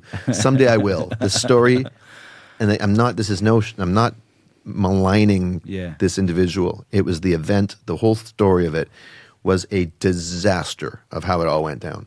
But it needed to be that way. It had to come in that particular form because anything else wouldn't have gotten my attention wouldn't have got me fully on board. Mm-hmm. It's like it got me in the spaceship and then it it it it zoomed me through the wormhole to the other side and I'm so much happier on the other side of it and I had to go through some shit Yeah, of course, and this is this is really getting us back, circling back to, to uh, back to the beginning of the conversation when you know, as a uh, how you said, said it, mental chiropractor, Mm-hmm. chiropractician, you know, uh, you, you specialize in walks. Yeah. But in order for those people to take a walk, they have to take the leap of faith first. They have to be open for it. They, yeah, they do. uh, But I, but I try to keep the, I, I try to keep the door, the, the, the on ramp very, not very steep. Yeah. I don't say you have to take a leap of faith. I say here are the conditions. It's very simple. It's very specific and it's rigorous, and I stick to it. But it's actually not that daunting. I think I say there's three things that are required. Number one, you have to be able to say, look me in the face, look yourself in the face, and say, I'm stuck. yeah. Something is stuck. All that means is everything I know isn't helping me. And something is irritating me about it. I don't like it. I'm sick and tired of it. Might be acute, it might be chronic, it might be severe, it might be mild. It might just be a feeling of, mm. Yeah. But all of my knowledge and all of my self knowledge and my self awareness and all the books I've read and all the yoga I've done, it's not helping. I'm stuck. Okay, number one. Number two, I have to be willing to get unstuck. Willing. Or at least open to the possibility. I don't require that someone be like, yes. I just have to ask them, are you willing? Because here's the thing when we're stuck, and this includes being stuck in our traumas, being stuck in our addictions, being stuck in our mental health patterns, be, even being stuck in our physical diseases, Yeah. I think. There's a part of us, a part of us that is perfectly comfortable staying there. Yeah. That's a, You're not suffering so much that you need to get out of it. Yeah. You'll be fine. I mean, maybe it'll kill you, but we're all going to die someday. You know what I'm saying? yeah. You're ki- you're kind of making a peace with it in a wrong way, completely wrong way, Well, I don't know if it's wrong. and Look, getting comfortable with it. your coping mechanisms are just that. They help you cope. They helped you survive your childhood. They've gotten you this far. You don't have to change. You really don't have to heal. You don't. Hmm. No one's going to force you, and you don't have to get unstuck. So then the question is do I want to, or at least am I willing to? Am I willing to have a choice? Because the, being stuck means I don't have a choice. I don't. I have, theoretically have a choice. I know I should have a choice, but I don't really have a choice. you have an excuse. You have an excuse, right? So then I ask them, would you like to see another option at the end of which you can make a conscious choice whether you want to stay stuck or not? Hmm. That's number two. They have to say yes to that. Number three, are you willing to consider the possibility, in fact, the probability, in fact, the certainty, but let's call it the possibility, or the probability that your stuckness is not a function of your circumstances, but of your view of your circumstances? Mm. It's not the circumstances that are keeping you stuck, it's the way you're looking at them and the way that you're looking at yourself. All of which, of course, is connected to your trauma, but we're not really, we don't need to go there. Again, like I said, There's a chapter about it. you know, I'm traumatized, you're traumatized, we all scream for ice cream. it's the last place we want to be. the last place we want to be, and we're all there. I just take it for granted, right? And and sometimes I touch on it with people, but only to say, hey, look, you come by this honestly. It's not an accident that you're struggling with this. Mm. But the point is, given that trauma was not what happened to you, it's what happened inside of you. What's keeping you stuck right now, what has you be stuck right now, is not what's happening outside of you. It's what's happening inside of you about what's happening outside of you. So, are you willing to take a walk with me, admitting that you're stuck, willing to be unstuck, and willing to look at it from a forensic perspective of what is it about my perspective that's keeping me stuck? If those th- three conditions are met, it's it's a it's guaranteed. It's something. Yeah, it's something. It's Yeah. something. It's something. Uh, well, that's how I started my therapy. You know, uh, at the first session. You know, when we were into, in, uh, getting to know each other. Yeah. You know? uh, and when I got the question, uh, how I, you know, why am I here for? Or you know, I I forgot what the question was, but Yeah. was, it was something along the way. Uh, and I said, I have no idea. I just know I feel like shit. You know, Yeah. I, I just know I do not feel good. Yeah. I, I have no idea why. I have no idea what's going on. I have I know nothing. I can give you zero context. And for therapy, that's a perfectly good way to start. Yeah. The reason that mine is a little bit more rigorous is that, I, unlike a therapist, I'm not trying to see you next week. it's not. I'm not opening a process. This is not a healing journey we're on. We're going to take a walk. A walk. A Today's walk. the day, buddy. and of course, you can come back later. You can come back a few weeks from now when you have bigger, better problems. Yeah. But we're going to get. But we're going. to But the I, I want the person to go into it with the attitude of, okay, there's therapy, there's the long term healing process, Yeah. and then there's this thing that I just want to get unstuck from, whether I'm healed or not. Yeah. And that takes a degree of what intention, which is to say, my intention, no matter what, is that I see something new. Now, if you set that intention, I don't care where you are in the healing journey. This woman is very far away from being fully healed, but she had a powerful breakthrough on that walk. Why? Because I invited her and she stepped up courageously to set a very powerful intention of lightness. Damn it, I want some lightness no matter what. Even if I never heal another trauma in my life, I want to have some lightness about it. And that itself, of course, is healing. So, I need more buy-in from people when we start than a therapist does. A therapist just needs you to be open to say I'm not happy and I don't know why. That's fine. For me, if it's if I'm going to do what I do best, which is not to sit and listen for weeks, but it's to have a Or single months or or, or months or years, you know, which would be in my bottom line interest, but I'm not trained to do it and it wouldn't be authentic. Um, every single one of these walks is electric and fun because something's going to happen right now. What is Yeah. it? And we're improvising and we're playing, and people are giving me full license to be as emphatic as you know. You can tell the way I speak. I like to. I, I, I it's like this level or I'm. asleep, you know, so it, it's it's just it, it is its own thing. But that for me is an example of knowing what is aligned for me and what is not aligned for me, and let other people do the the other thing that's aligned for them. Okay. And there's all there's so many things that we could we could talk about, but all of those things are within this book. I think uh, so. It's yeah. 500 pages. They better be. 500 or more. Uh, 500 just about, and then there's the the, the, Oh, the yeah, notes yeah, and the index. yeah, yeah, yeah, yeah. Uh, so the Or, myth eight- of normal. or 18 and a half hours on the audio, audible that I Yeah, narrated. The, myth of normal trauma, illness, and healing in a toxic culture. Gabor Maté and uh, Daniel Maté. with Daniel. with that Daniel with Daniel Maté, aka you. Uh, the book is not yet available as a paperback uh, in and as a hard copy in, um, in in Serbia yet, but I think it will be. Public Practicum, I think, is the uh, is the um, Publisher. the publisher. That, The that'll be- publisher. they have a we have a deal. Yeah, so it's going to be very soon. Probably but- 2023. Yeah, but if you're uh, impatient, you can uh, order it online and you can uh, hear it as an audiobook also, uh, which was read by you. Yes. So if you're having allergic reactions while you listen to this podcast, and you're getting itchy skin or breaking out into hives. See your doctor before you order the audiobook because it could be you're you're allergic to my voice. If, on the other hand, you find yourself being, feeling like you're relaxing into a warm Epsom salt bath, Yeah. you're like, mm, "This feels good," then uh, yeah, maybe it's the audiobook for you. maybe this is the audiobook for you. Uh, thank you very much for your time. Thank you very much uh, because I know this is, has been grueling to, for you. You know, flying and you know not eating and everything, and there's a lot of things that you have to do today. Uh, you don't have much time here in Serbia, but welcome. Thank you. Thank you. And it was a, a beautiful conversation, and hope to see and hear more of you in the future. My total pleasure. Thank you so much for having me. That's it. We're done. Bye. Bye.